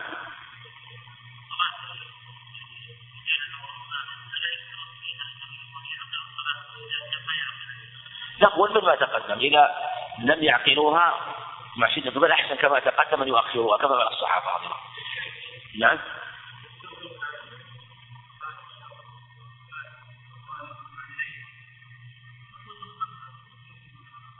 بعد.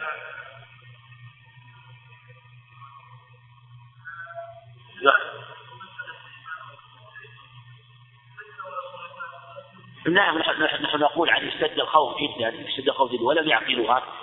فجاز تأخيرها. وعلى هذا ممكن نضيف المسألة هذه نقول إن هذا وقت آخر أيضا في حق من اشتد خوف ولم يتر الصلاة. سبق معنا أن الأوقات شيء له أول وآخر هو الصلوات الخمس وما أشبهها من صوم رمضان وما والحج ووقت مطلق وهو ما شرع على جهة الإطلاق. ووقت في حق النائم والناس يستيقظ وقت يستيقظ قد يضاف إليه وقت في حق من اشتد الخوف عليه وهو العدو فلم يعقل صلاته. فإن له أن يؤخر الصلاة حتى يذهب شدة الخوف فيصلي متى مطمئن على القول المختار في هذا لكن نقول إذا كان يعني يمكن أن يعقل صلاة يمكن أن يؤمن فنأخذ بقول الجمهور من جهة يصليها في الوقت بالإيماء إذا كان يمكن يؤمن. إذا اشتد جدا ولا يمكن ولا بالإيماء ولا يعقل صلاته يقال كما فعل الصحابة رضي الله عنهم وكما فعل النبي عليه الصلاة والسلام في الخندق. قال ولو الراجل والراكب يعني الذي على قدميه والذي راكب كلهم يصلون على حسب حاله ولو إلى غير القبلة هذا بلا شك لأن القبلة في هذه الحال آه، تكون غير مستطاعة فيجوز أن يصلي إلى غيرها مثل ما تقدم في أنه عليه الصلاة والسلام كان له حال في صلاته إلى القبلة إذا كان العدو من القبلة وحال بما إذا كان العدو إلى غير القبلة وكيف كان النفس الطائف إحدى الطائفتين تنصرف إلى غير القبلة وهي صلاة تنصرف إلى غير القبلة وهو في صلاته إلى جهة العدو.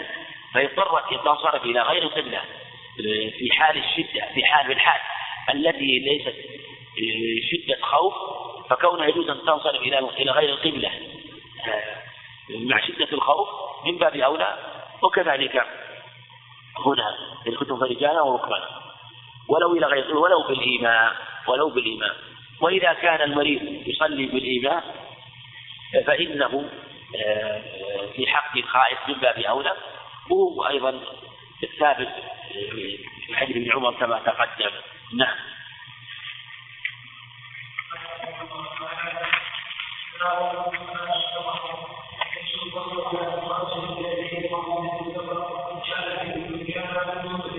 نعم صلاة السفر السفر من إسفار وهو البروز. وهو ما ثبت في قوله تعالى وإذا ضربتم في الأرض ضرب الأرض والسير فيها للسفر فليس عليكم أن تقصروا من الصلاة. قول مصنف يجب القصر هذا قول اختار بعض أهل العلم لما ثبت الصحيحين من حديث عائشة أنها فرضت صلاة الحضر الصلاة ركعتان ركعة فرضت الصلاة ركعتان ركعتان. فأقرت صلاة السفر وأتمت صلاة الحضر فقوله فرضت ثم قال أقرت دل على أنها فرضت هكذا وأتمت صلاة الحضر بمعنى أنه زيد فيها ركعتين. ركعتين كذلك قول عمر رضي الله عنه صحيح قول عمر يصح عنه أن صلاة السفر ركعتان صلاة الجمعة ركعتان والأضحى ركعتان والسفر ركعتان. والجمهور على أنه سنة وهذا هو الأظهر أنه سنة وليس بواجب لكن السنة متأكدة لأنه آه، النبي فعله ولم يقصر ولم يتم ولا في سفر عليه الصلاة والسلام. وما جاء أنه أتى فإنه لا يصح من حديث عائشة رضي الله عنها ولم يسكت بل كانت تتم أنها كانت تتم ويقصر النبي عليه الصلاة والسلام. كله لا يصح في جميع رواياته وجاءت الروايات في هذا الباب مختلفة آه، في بعضها أنها أنها كان قالت أتممت وقصرت وصمت وأفطرت. فأفطرت آه، هذا أو الدرقطي صح بعضهم لكن جو من قالوا لا يصح. لبعضها أنها كانت مع النبي عليه الصلاة والسلام وكانت تتم في السفر. وردوا بوجوه كثيرة وجوه الرد كثيرة جدا وقد استوفيت في كتب الشروح. يعني والأثر هذا ذكره جمع العلم في المحرر وفي البلوغ وبين يعني وجه ضعفه ومخالفة الأخبار وأيضا من جهة المعنى كيف أن عائشة رضي الله عنها في ذلك الوقت كانت صغيرة السن. ولا يمكن أن تفعل مثل هذا ولا يمكن أن تفتات رضي الله عنها. وهي ذاك يعني في هذا السن. توفي النبي لها ثمانية عشر عاما رضي الله عنها. فمقامها مقام الاتباع والاقتداء والامتثال رضي الله عنها ثم النبي عليه الصلاة والسلام كان الصحابة هم الذين ينقلون صفة صلاته في السفر ولم ولم ينقل عنه في صفة واحدة أنها أنه قصر عليه الصلاة والسلام. ثم كيف تصل؟ ثم يعني القول بأنها كانت مع النبي تتم وتصوم ويفطر. هذا لا شك أنه من البعيد خاصة في قصر الصلاة كما في إتمامها وهي وهو يقصر. وبالجملة قصر الصلاة سنة مستقرة ثابتة ولم ينقل عنه أنه أتم عليها ولا في سفر ولا من اسفار عليه الصلاة والسلام. لكن نقول إنه ليس بواجب، ليس بواجب إنه سنة متأكدة ويدل على عدم الوجوب. أن الصحابة بعد ذلك تأولوا ولم يفهموا الوجوب. كما تأول عثمان فأتم تأولت عائشة فأتمت رضي الله عنها. ثبت أيضا في الصحيح أن ابن مسعود رضي الله عنه لما صلى خلف عثمان قال يا ليت حظي من أربع ركعات ركعتان متقبلتان. ثم قال كما عند ابن داود الخلاف شر. الخلاف شر. فصلى أربعة رضي الله عنه. ففعله من هذا يدل على أنه لو كان يعني أمرا حراما والواجب والقصر لا بينوا هذا ولا أنكروا. عدم الإنكار بمثل هذا ما يبين أنهم علموا أنه من السنة المشروعة المتأكدة لكن ليس بواجب. وإنما غاية ما نقول أنه من فعله عليه الصلاة والسلام آه، من فعله.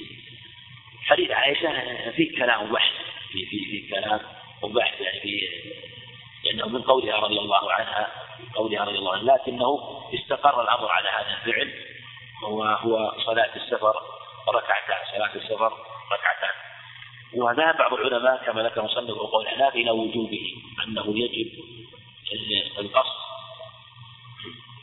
على من خرج من بلده لأن شرط القصر هو الخروج. فمن كان داخل البلد فلا فلا يقصر هذا قول جماهير أهل العلم في منهم من يحكي اتفاق لا قصر إلا بالخروج. لأنه به يكون مسافرا وبه يكون الضرب له والله سبحانه يقول وإذا ضربتم في الأرض هذا مفهوم شرط. مفهوم شرط. فلا يحصل القصر إلا بوجود مشروطه وهو وهو الضرب في الأرض. فمن فمن لم يكن ضاربا في الأرض فلا. والنبي عليه الصلاة والسلام كما ذكر الصحابة كان يقصر قال إذا خرج. حديث أنس إذا خرج مسيرة ثلاثة أميال. فلم يكن يقصر داخل البلد ولم يعرف أنه قصر داخل البلد. سواء كان يعني إذا نوى السفر بل كان يخرج إذا بر... يقصر إذا برز عليه الصلاة والسلام. قاصدا للسفر وهذا يبين أن مجرد البروز لا يشرع به القصر حتى يكون بروزه للقصر للسفر.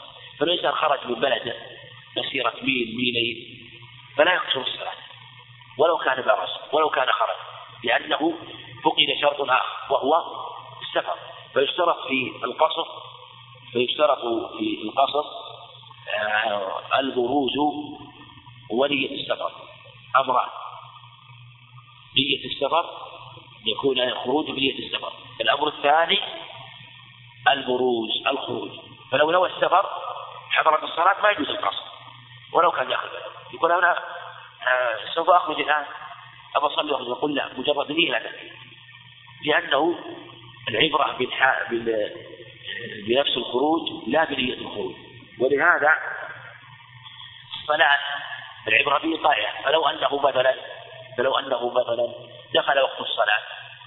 دخل وقت الصلاة وأنت آه لم تسافر ثم لم تصلي الصلاة إلا بعدما خرج.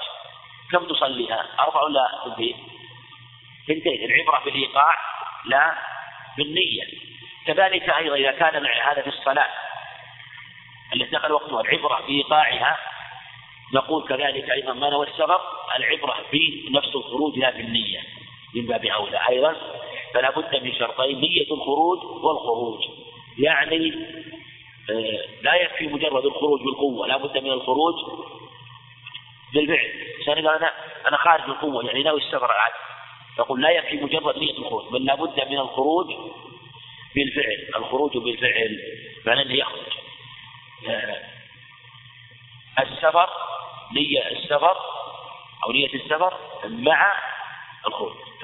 فلو أنه مثلا خرج بحاجة مسيرة ميل ميلين ولم ينوي السفر هذا لا لا يقصد. ولهذا كان النبي عليه الصلاة والسلام يصلي في قباء ويذهب إلى قباء وكان ربما ذهب إلى حاجته وأصحابه ربما مشوا الميل والميلين ولم يكن يقصر الصلاة.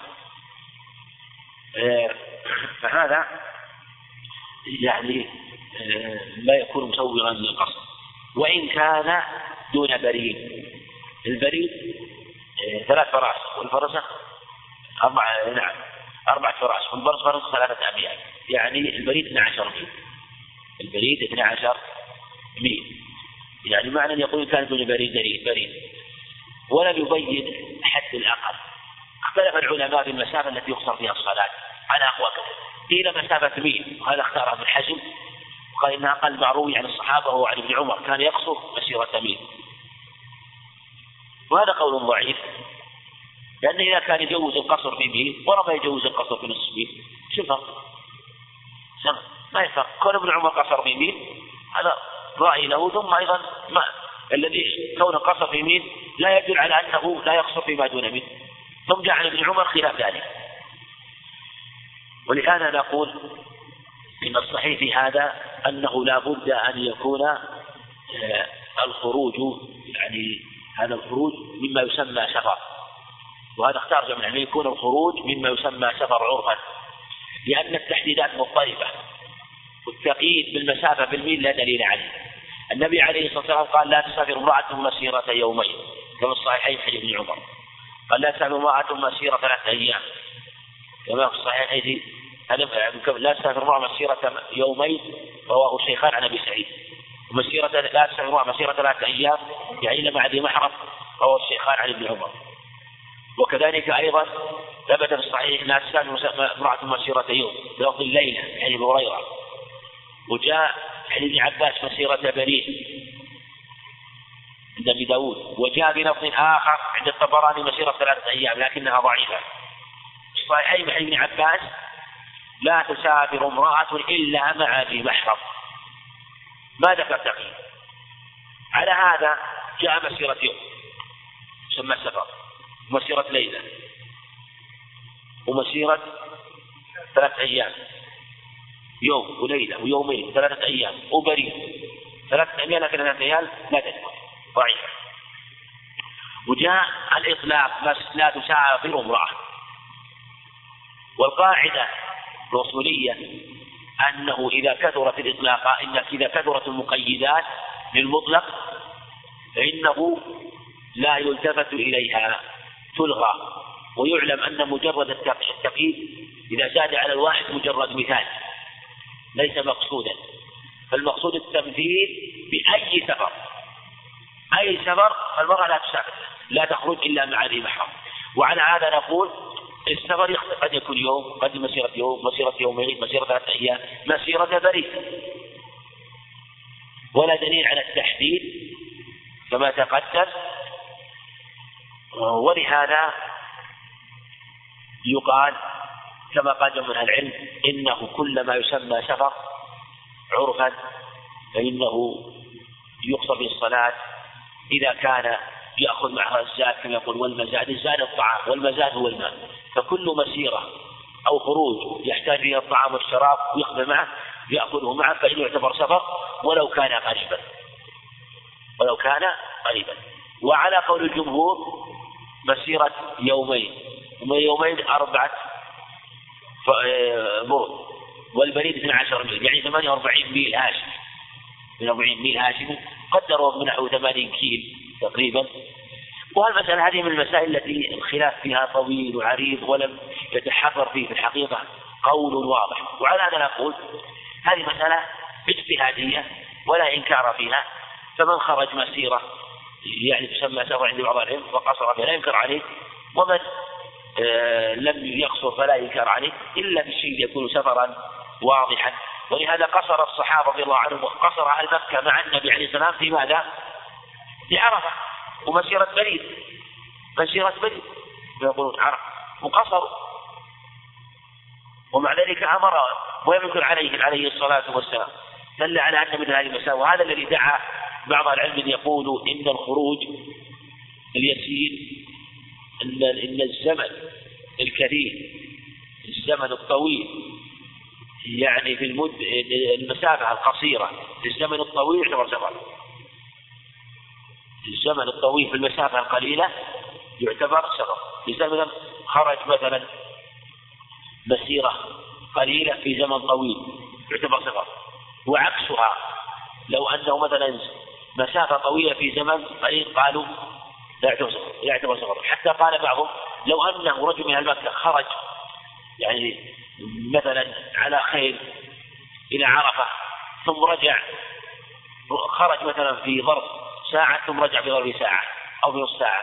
قالوا ليس بسفر لأن المسافة قليلة والزمن قصير جدا مع قصر فاجتمع القصر قصر المسافة وقصر الزمن. وبالجملة كما تقدم مسألة اجتهادية ولم يتحرر فيها يعني شيء يفصل لكنها من المسائل التي يكون آه، فيها اجتهاد بين العلم كما تقدم شأن وشأن كثير من المسائل فلا ينكر فيها فيما يرى الله أعلم. نعم.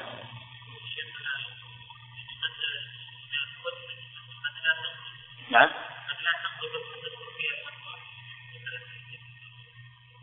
لا ما تدخل الأهواء. الأهواء تدخل إذا كانت إذا إذا كان يأخذ بهوى. الأهواء لمن؟ الأهواء. لا أقول صاحب الهوى ما صاحب الهوى يعمل ولا يسأل أقول أبو شو الواجب عليه؟ يعمل بهواه ولا يسأل؟ يسأل لكن صاحب أصحاب الهوى في كل مسألة أبو صاحب الهوى ممكن يقدم على أمر محرم الصريح لكن الشخص الذي يقصر الصلاة وإذا سألنا لماذا قصر الصلاة؟ قال لأن إما أنه كان من أهل النظر والاجتهاد فقصر أو يقول لأنني قلت أناس من العلم فلا ضير عليه نعم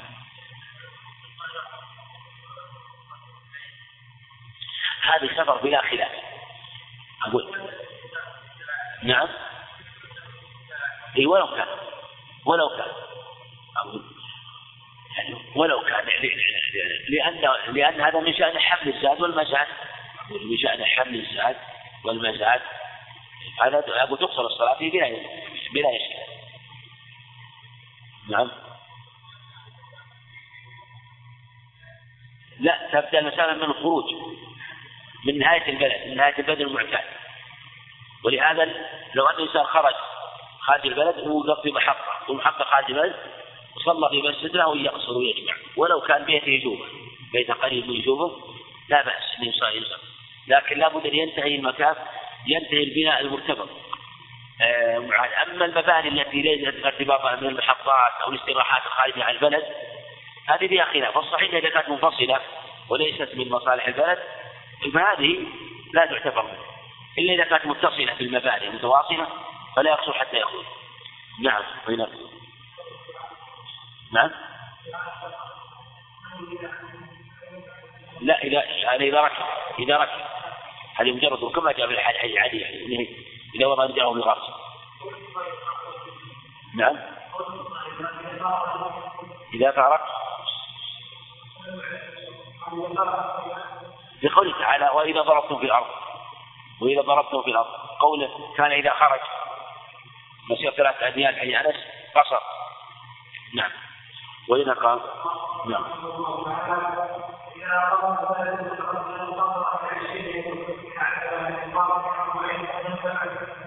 نعم. نعم وله نعم. نعم. هذه مسألة أيضا من المسائل فيها خلاف طويل وكثير وهو المدة التي تقصر فيها الصلاة. المصنف يقول إذا قام عشرين يوما وهذا لما روى أبو داود عن جابر أنه عليه الصلاة والسلام أقام بتبوك عشرين يوما يقصر الصلاة. وهذه المسألة وهو أكثر ما نقل عنه عليه الصلاة والسلام.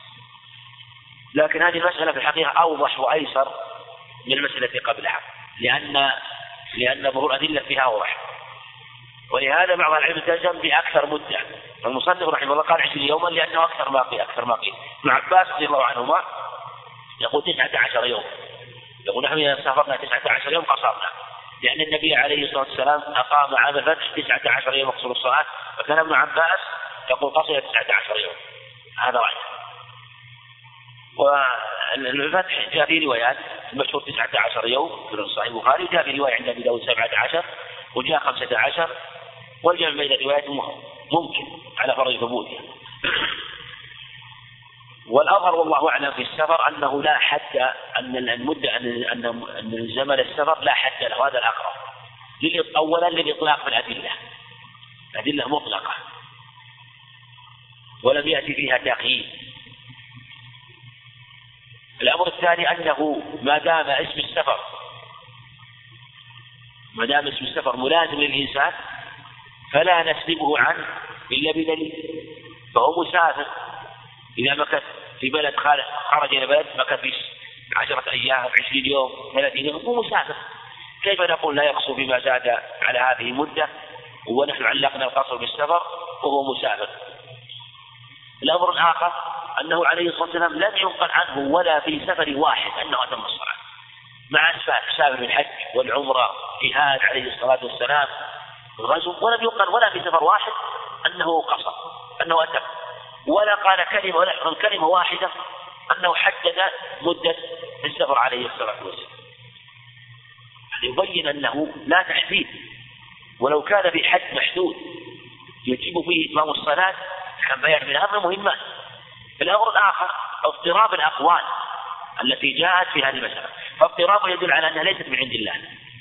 فكل قول أعرف بالقول الذي يخالفه.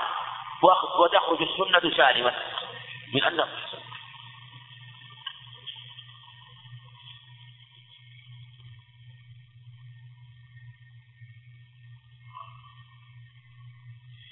يعني أنه في جميع أسفاره يعني يقصد وهؤلاء هو منهم من حدد بعشرين ومنهم من حدد بأقل ومنهم من حدد بغير ذلك بأربعة أيام وسيأتي من خمسة عشر يوم. فهذه الأقوال يعني تعرف بعض أو تعارض بعضها بعض وربما تضرب بعضها بعض وتبقى السنة سالمة من جهة أنه مسافر وأن الله عز وجل يقول إذا ضربت فوق فليس عليكم بما تقصر من الصلاة. ثم نقول التحديد والتقييد. إما أن يكون بحد شرعي أو بحد لغوي أو بحد عرفي وليس هنالك حدود خارج عن هذا. إما أن يكون الحد لغوي مثل الشمس والقمر والسماء والأرض يعرف حده باللغة ومثل أن يكون حدا شرعيا مثل الصلاة والزكاة والصوم حتى عرف بالشرع. وإما أن يكون حدا عرفيا مثل القبض والإحراز كذلك أيضا على الصحيح الفيض ألفاظ الألفاظ تعليق البيع والشراء. فما سوى ذلك من الحدود؟ خارج عن هذه لا يقبل. السفر من الألفاظ الشرعية. فلا يمكن أن نحده إلا بدليل شرعي. ولم يأتي الشرع تحديد له. فأطلق. كما أنه مسمى السفر مطلق في الشرع مثل ما نقول أيضا في مسميات كثيرة. أطلقت في الشرع فلا نقيدها إلا بدليل. مثل الخف الممسوح في الشرع أطلق مسمى الخف فمن قيد قال شرط الخف كذا وكذا نقول الدليل عليه. كذلك أيضا مسميات كثيرة جاءت في الشرع مطلقة فلا نقيدها ولا نحدها بدليل. فكثير مثل مثلا آه، مسميات ذكر أهل العلم في هذا الباب ممن قيد مثلا مثل القبض آه، يعني أشياء جاءت في الشرع مطلقة وقيدها بغير دليل. لا نلتفت إلى هذه المقيدات ونأخذ بأصل المسمى في إطلاق الشرعي أما من عزم على قصر أربعة أيام كما وإذا عزم على قصر أربعة أيام أتم بعدها المصنف يقول المتردد يقصر عشرين يوما. يقول الصحيح يقصر مطلقا. أما المتردد هذا فهذا عند العلم يكاد يكون بلا خلاف بعضهم حكى بلا خلاف. أن الذي لا يدري متى يقطع سفره هذا عند الجميع خاصة الأئمة الأربعة يقصر ولو جلس عشرين يوم. حتى الأئمة الأربعة يقولون هذا. إنما خير عندهم فيما إذا كان قد عزم على الإقامة. فمنهم من قال عزم على قد قصد عشر يوم. يتم فالمالكي ومنهم من قال إذا عزم على إقامة أربعة أيام يتم وهو قول الجمهور. واستدلوا بأنه عليه الصلاة والسلام قدم صحيحين عن أنس قدم للحج. متى وصل إلى مكة عليه الصلاة والسلام؟ هو مشى بخمس بقين من ذي القعدة. بخمس بقين خطب الناس يوم الجمعة ومشى يوم السبت عليه الصلاة والسلام. يعني ثم وصل في اليوم الرابع صبيحة يوم الأحد ضحى يوم الأحد. يوم الرابع من الحجة عليه الصلاة والسلام. فبقي في الأفطح يوم الأحد الأحد والاثنين والثلاثة والأربعاء. يعني هو الأحد يوم أربعة خمسة الأحد والاثنين والثلاثة والأربعاء والخميس. يعني لا الرابع والخامس والسادس والسابع والثامن. خرج اليوم الثامن عليه الصلاة والسلام. خرج اليوم الثامن الذي يوافق يوم التروية يوافق يوم التروية. يوم الخميس. ومن ومن الغد يوم الجمعة. يوم الجمعة يوم عرفة ويوم النحر كان يوم السبت. وأيام التشريق كانت الأحد والاثنين والثلاثاء والأربعاء. وهو عليه الصلاة والسلام قدم مكة صبح الأحد فقالوا إنها قام أربعة أيام. فمن أقام أربعة أيام يقصر لأننا علمنا أنه عليه الصلاة والسلام قدم يوم الأحد وخرج يوم الثامن يوم الثامن. فالإقامة في مكة كما قام في مكة عليه الصلاة والسلام. أربعة أيام. فقالوا من أقام أربعة أيام فيقصر. هذا في الحقيقة قول ضعيف. لأنه من أين لكم الدليل أنه لو قدم يوم السبت؟ يعني هم يقولون لو قدم السبت يتم ولا يقصر؟ يتم ولا يقصر؟ لو قدم يوم السبت. يتم. لأن الإقامة كم؟ أكثر من أيام. يكاد يقطع بأنه يعني أن هذا لو كان منه لكان بيان من أهم الأشياء لأن الأمر لا يعلم إلا بإخبار عليه الصلاة والسلام. لكن استدل في فيه بعض العلم حتى قال أحمد رحمه هذا ليس كل أحد يفقهه. ليس كل أحد يفقهه. لكن الصواب كما تقدم هو أنه لا حد له لإطلاق بالأدلة. نعم. نعم.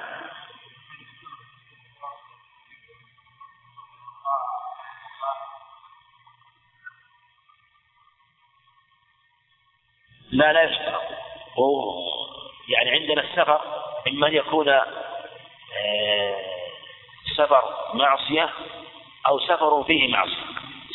السفر الذي فيه معصية هذا يخسر بلا خلاف لكن سفر معصية يقطع الطريق أو يتاجر في الخمر كم يصلي؟ إنسان يقطع الطريق. ولا يبيع ويشتري في الخمر. نعم. نعم.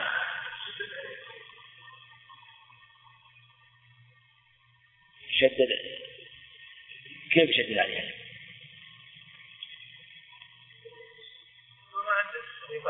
نعم.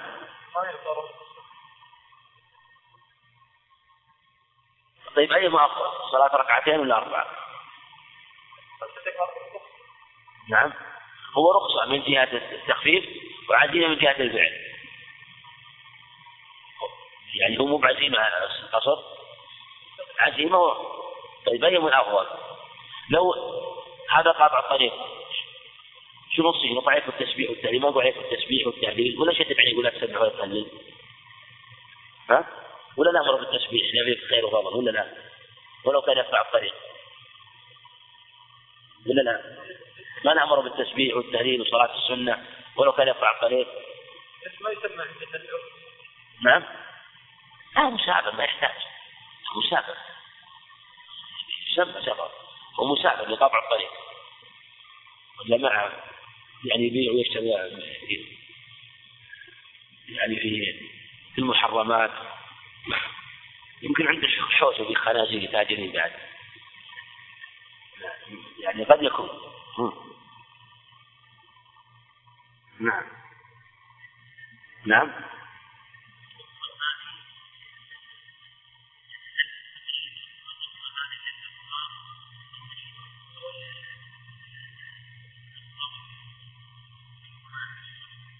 هذا السؤال. هذا السؤال. ما أقول أقول وش اللي يمنع أنه يؤجر ويؤجر؟ ما يمتنع. تمنع من الخير؟ إنسان مثلا يعني ولا شك واقع في المعاصي يقطع الطريق يسبح ويهلل ويذكر الله ويفشي السلام. لكن كذلك واقع. تمنع من الخير. نعم. نعم. نية طيبة نية نية طيبة قد يكون لماذا؟ لنية الفاسد زنديق في الباطن أما من كان مع الإيمان فالنية عنده قد أقول قد يكون يعني عنده لا شك فساد في العمل لكن نيته ربما هو يصلي ألا يجب عليه الصلاة؟ ألا يجب عليه ما نأمر بالصلاة؟ طيب يظن نأمر بالصلاة نعم طيب طيب ما يخالف. هذا إنسان ما سافر لقطع الطريق. أقول هذا إنسان ما سافر لكن معك كلثوم مليان دخان. يدخل إيش تقول؟ أقول هذا إنسان آخر صفة أخرى. أقول إنسان آخر. يدخن في سفره. ولا مع خمر يشرب الخمر. ونزل تحت الشجرة ويبغى يصلي كم يصلي؟ مع مع السجادة ومع يقصر هو عاصي نأمر بالقصر نأمر بالعصر. أقول نأمر بالقصر ولا نأمر بالقصر؟ ولو أنه عاصي ليش نأمر بالقصر؟ ما شدد عليه. يقول هذا التفصيل هذا جبت منه؟ يقول هذا التفصيل جبت منه؟ هو عند الله من عند الله ورسوله. على عين الرأس ولا من عندك؟ يقول كان يقول هذا التفصيل كان عند الرسول عليه الرأس. كان اجتهاد هل يشرب الخمر في سفرة؟ نعم هل هو خير من إنسان يبيع الخمر؟ يقول كلاهما عاصي هذا يشرب الخمر وهذا يبيع كلاهما عاصي كلاهما عاصي هذا عاصي في سفره وهذا عاصي في سفره يعني نعم. خلنا نحكي مسألتنا هذه. إحنا الحين ما طلعنا من دولة. نخلص منهم نعم. نعم. إيه. هو يقول يقول يقول جزاكم الله خير. كل شيء كان في شيء في خير في حسنات أنا بسويه يقول اي افضل أنا بصلي أربع ولا اثنتين؟ أنا ودي بالخير. يقول أي افضل أصلي أربع ولا إيش تقول له؟ شو الأفضل؟ سأل كلام أي افضل اصلي ركعتين ولا أربع؟ ويسأل ترى بشيء عجل من يطلع الطريق ها؟ يقول بس جزاك الله خير. يقول خفضت عليه بعد سرع جل بعد. ها؟ يقول أنت طيب يقول أنت. يقول أسرع من النحيه بعد. نعم. نعم. نعم. نعم هذا. لأننا نقول في الحقيقة يعني نفس العاصي بسفرة العاصي بسفرة في الحقيقة يعني هو إن كان آثم آثم بلا شك وظالم يجب عليه التوبة ولا يجوز هذا الفعل. لكن كونه يصلي صلاة هي أفضل يقصرها لأنها أبلغ في التخفيف من سيئاته لأنه إذا ورد يوم القيامة بسيئات تأتي الموازنة قد يكون مات بغير توبة. إنسان جاء يوم القيامة بصلاة عند الله عز وجل؟ عرض صلاته. هذا صلاها ثنتين قصر؟ هذا صلاها أربع تام؟ أي أفضل الصلاة أربع ولا ثنتين؟ نقول الصلاة خاصة ثنتين أفضل. فتعمل الركعتان في تخفيف من سيئاتها أكثر مما تعمل الأربع. هذا بحاجة كما نأمر بسائر الطاعات فهو في الحقيقة الآن نعلم المسافر وش وش الأصل صلاته؟ وش, وش الأصل المشروع حقه؟ القصر. فنقول هو في الحق مأمور بالثنتين في السفر كما هو مأمور بالأربع بالحضر. هو يصلي أربع بالحضر ويصلي ثنتين في السفر لأنه مأمور يصلي ثنتين حتى قال بعض العلماء إنها واجبة. إن صلاة الأربع إن ثنتين واجبة. هذا قلنا إنه يصليها ثنتين وإن كان هو آخر فعلا قرأت اللي بعده؟ نعم. نعم وله الجمع. الجمع تقدم الإشارة إليه وأن الجمع له أن يصلي تقديم وتأخير بحسب الأيسر هذا حديث ابن عمر في الصحيحين أنه عليه الصلاة والسلام كان آه، يصلي في سفر المغرب والعشاء يجمعهما يجمعهما. يعني ابن عباس عند البخاري معلقا كان إذا كان على رأسين. حديث أنس كان عليه الصلاة والسلام إذا صلى الظهر إذا إذا نزل صلى الظهر ثم ركب. في رواية عند الحاكم وغيره والإسماعيلي صلى الظهر والعصر ثم ركب. أخذ العلماء من هذا أن الجمع والتقديم أن الجمع والتأخير والتقديم بحسب الأيسر والأسهل بحسب الأيسر والأسهل. فمن كان الأيسر في حق جمع التقديم جمع جمع ومن كان الأيسر في حق جمع التأخير جمع جمع تأخير. وإن كان أكثر في الأخبار جمع التأخير جمع التقديم لم يأتي إلا في أخبار يسيرة. آه، وقد ورد آه، في آه، حديث معاذ رضي الله عنه الجمع للنازل وإن كان الأصل في الجمع للراكب السائر. يعني حينما يكون سائرا فيصلي في وقت الأولى إذا نزل جمع تقديم أو يصلي في وقت الثاني إذا نزل جمع تأخير. وإن كان نازلا فالسنة عدم الجمع.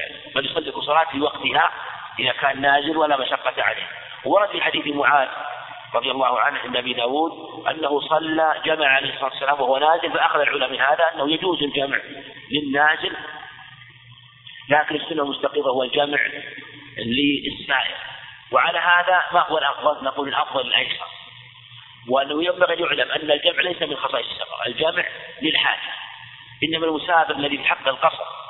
أما الجمع فليس من خصائصه. لأن المقيم يجمع. المقيم يجمع. آه، للمطر للمرض. في الصور عدة يجمع فيها.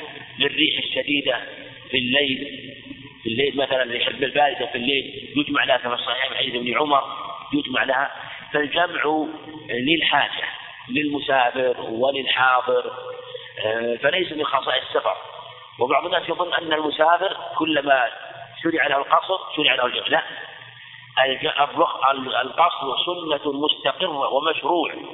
أما الجمع فلا. مثل الصوم والفطر في السفر.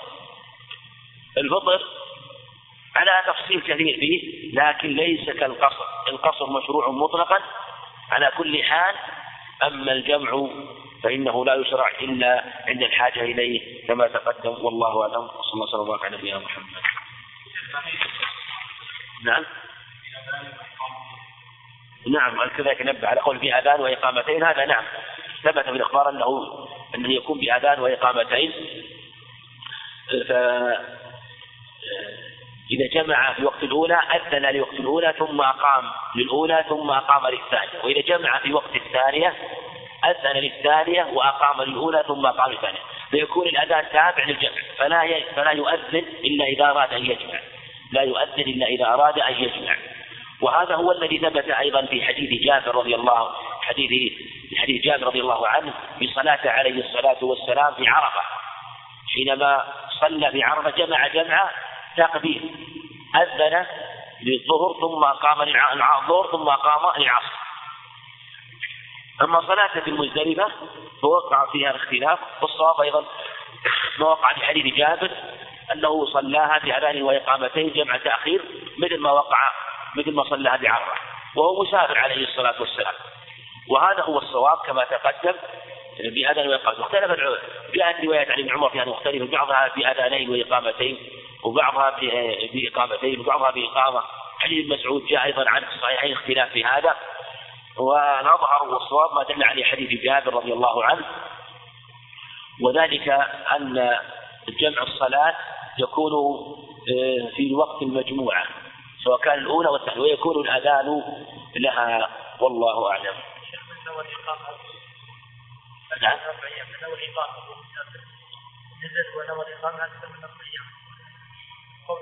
نعم نعم يقصد يقصد نعم هذا صحيح ولو بعد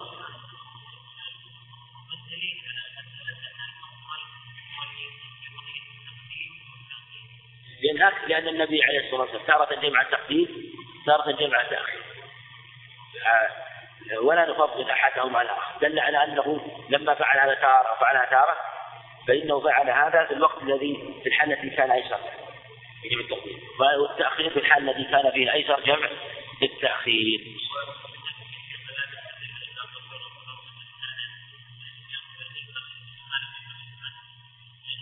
نعم. ما خير به اختار ايسره عليه الصلاة والسلام. وهذه من الأمور التي تجمع الأيسر. مثل ما نقول في الفطر في رمضان. صحيح أنه الأفضل هو الايسر نعم.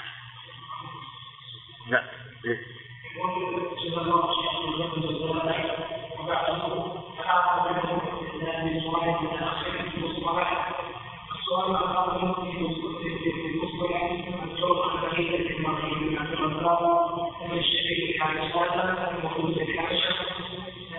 الآخر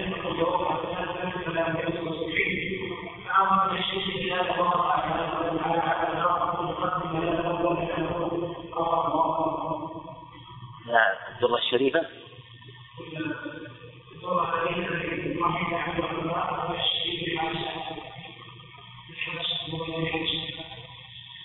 ما أعرف أقول ما والله ما ما أعرف هذه الدرة الشريفة هذه وهذا متأخر. وفي درة فريد إبراهيم. صوت عبد الرزاق. توفي 77 ولد سنة 300 ها 1377 والله أنا هذا ما أعرف. افاد أقول إن شاء الله. خير أقول لكن أنا ما أعرف. أنا اوصيه انه يبحث عنه يراجع ترجمته في تراجم متأخرين. أنا ما أعرف هذه. نعم بارك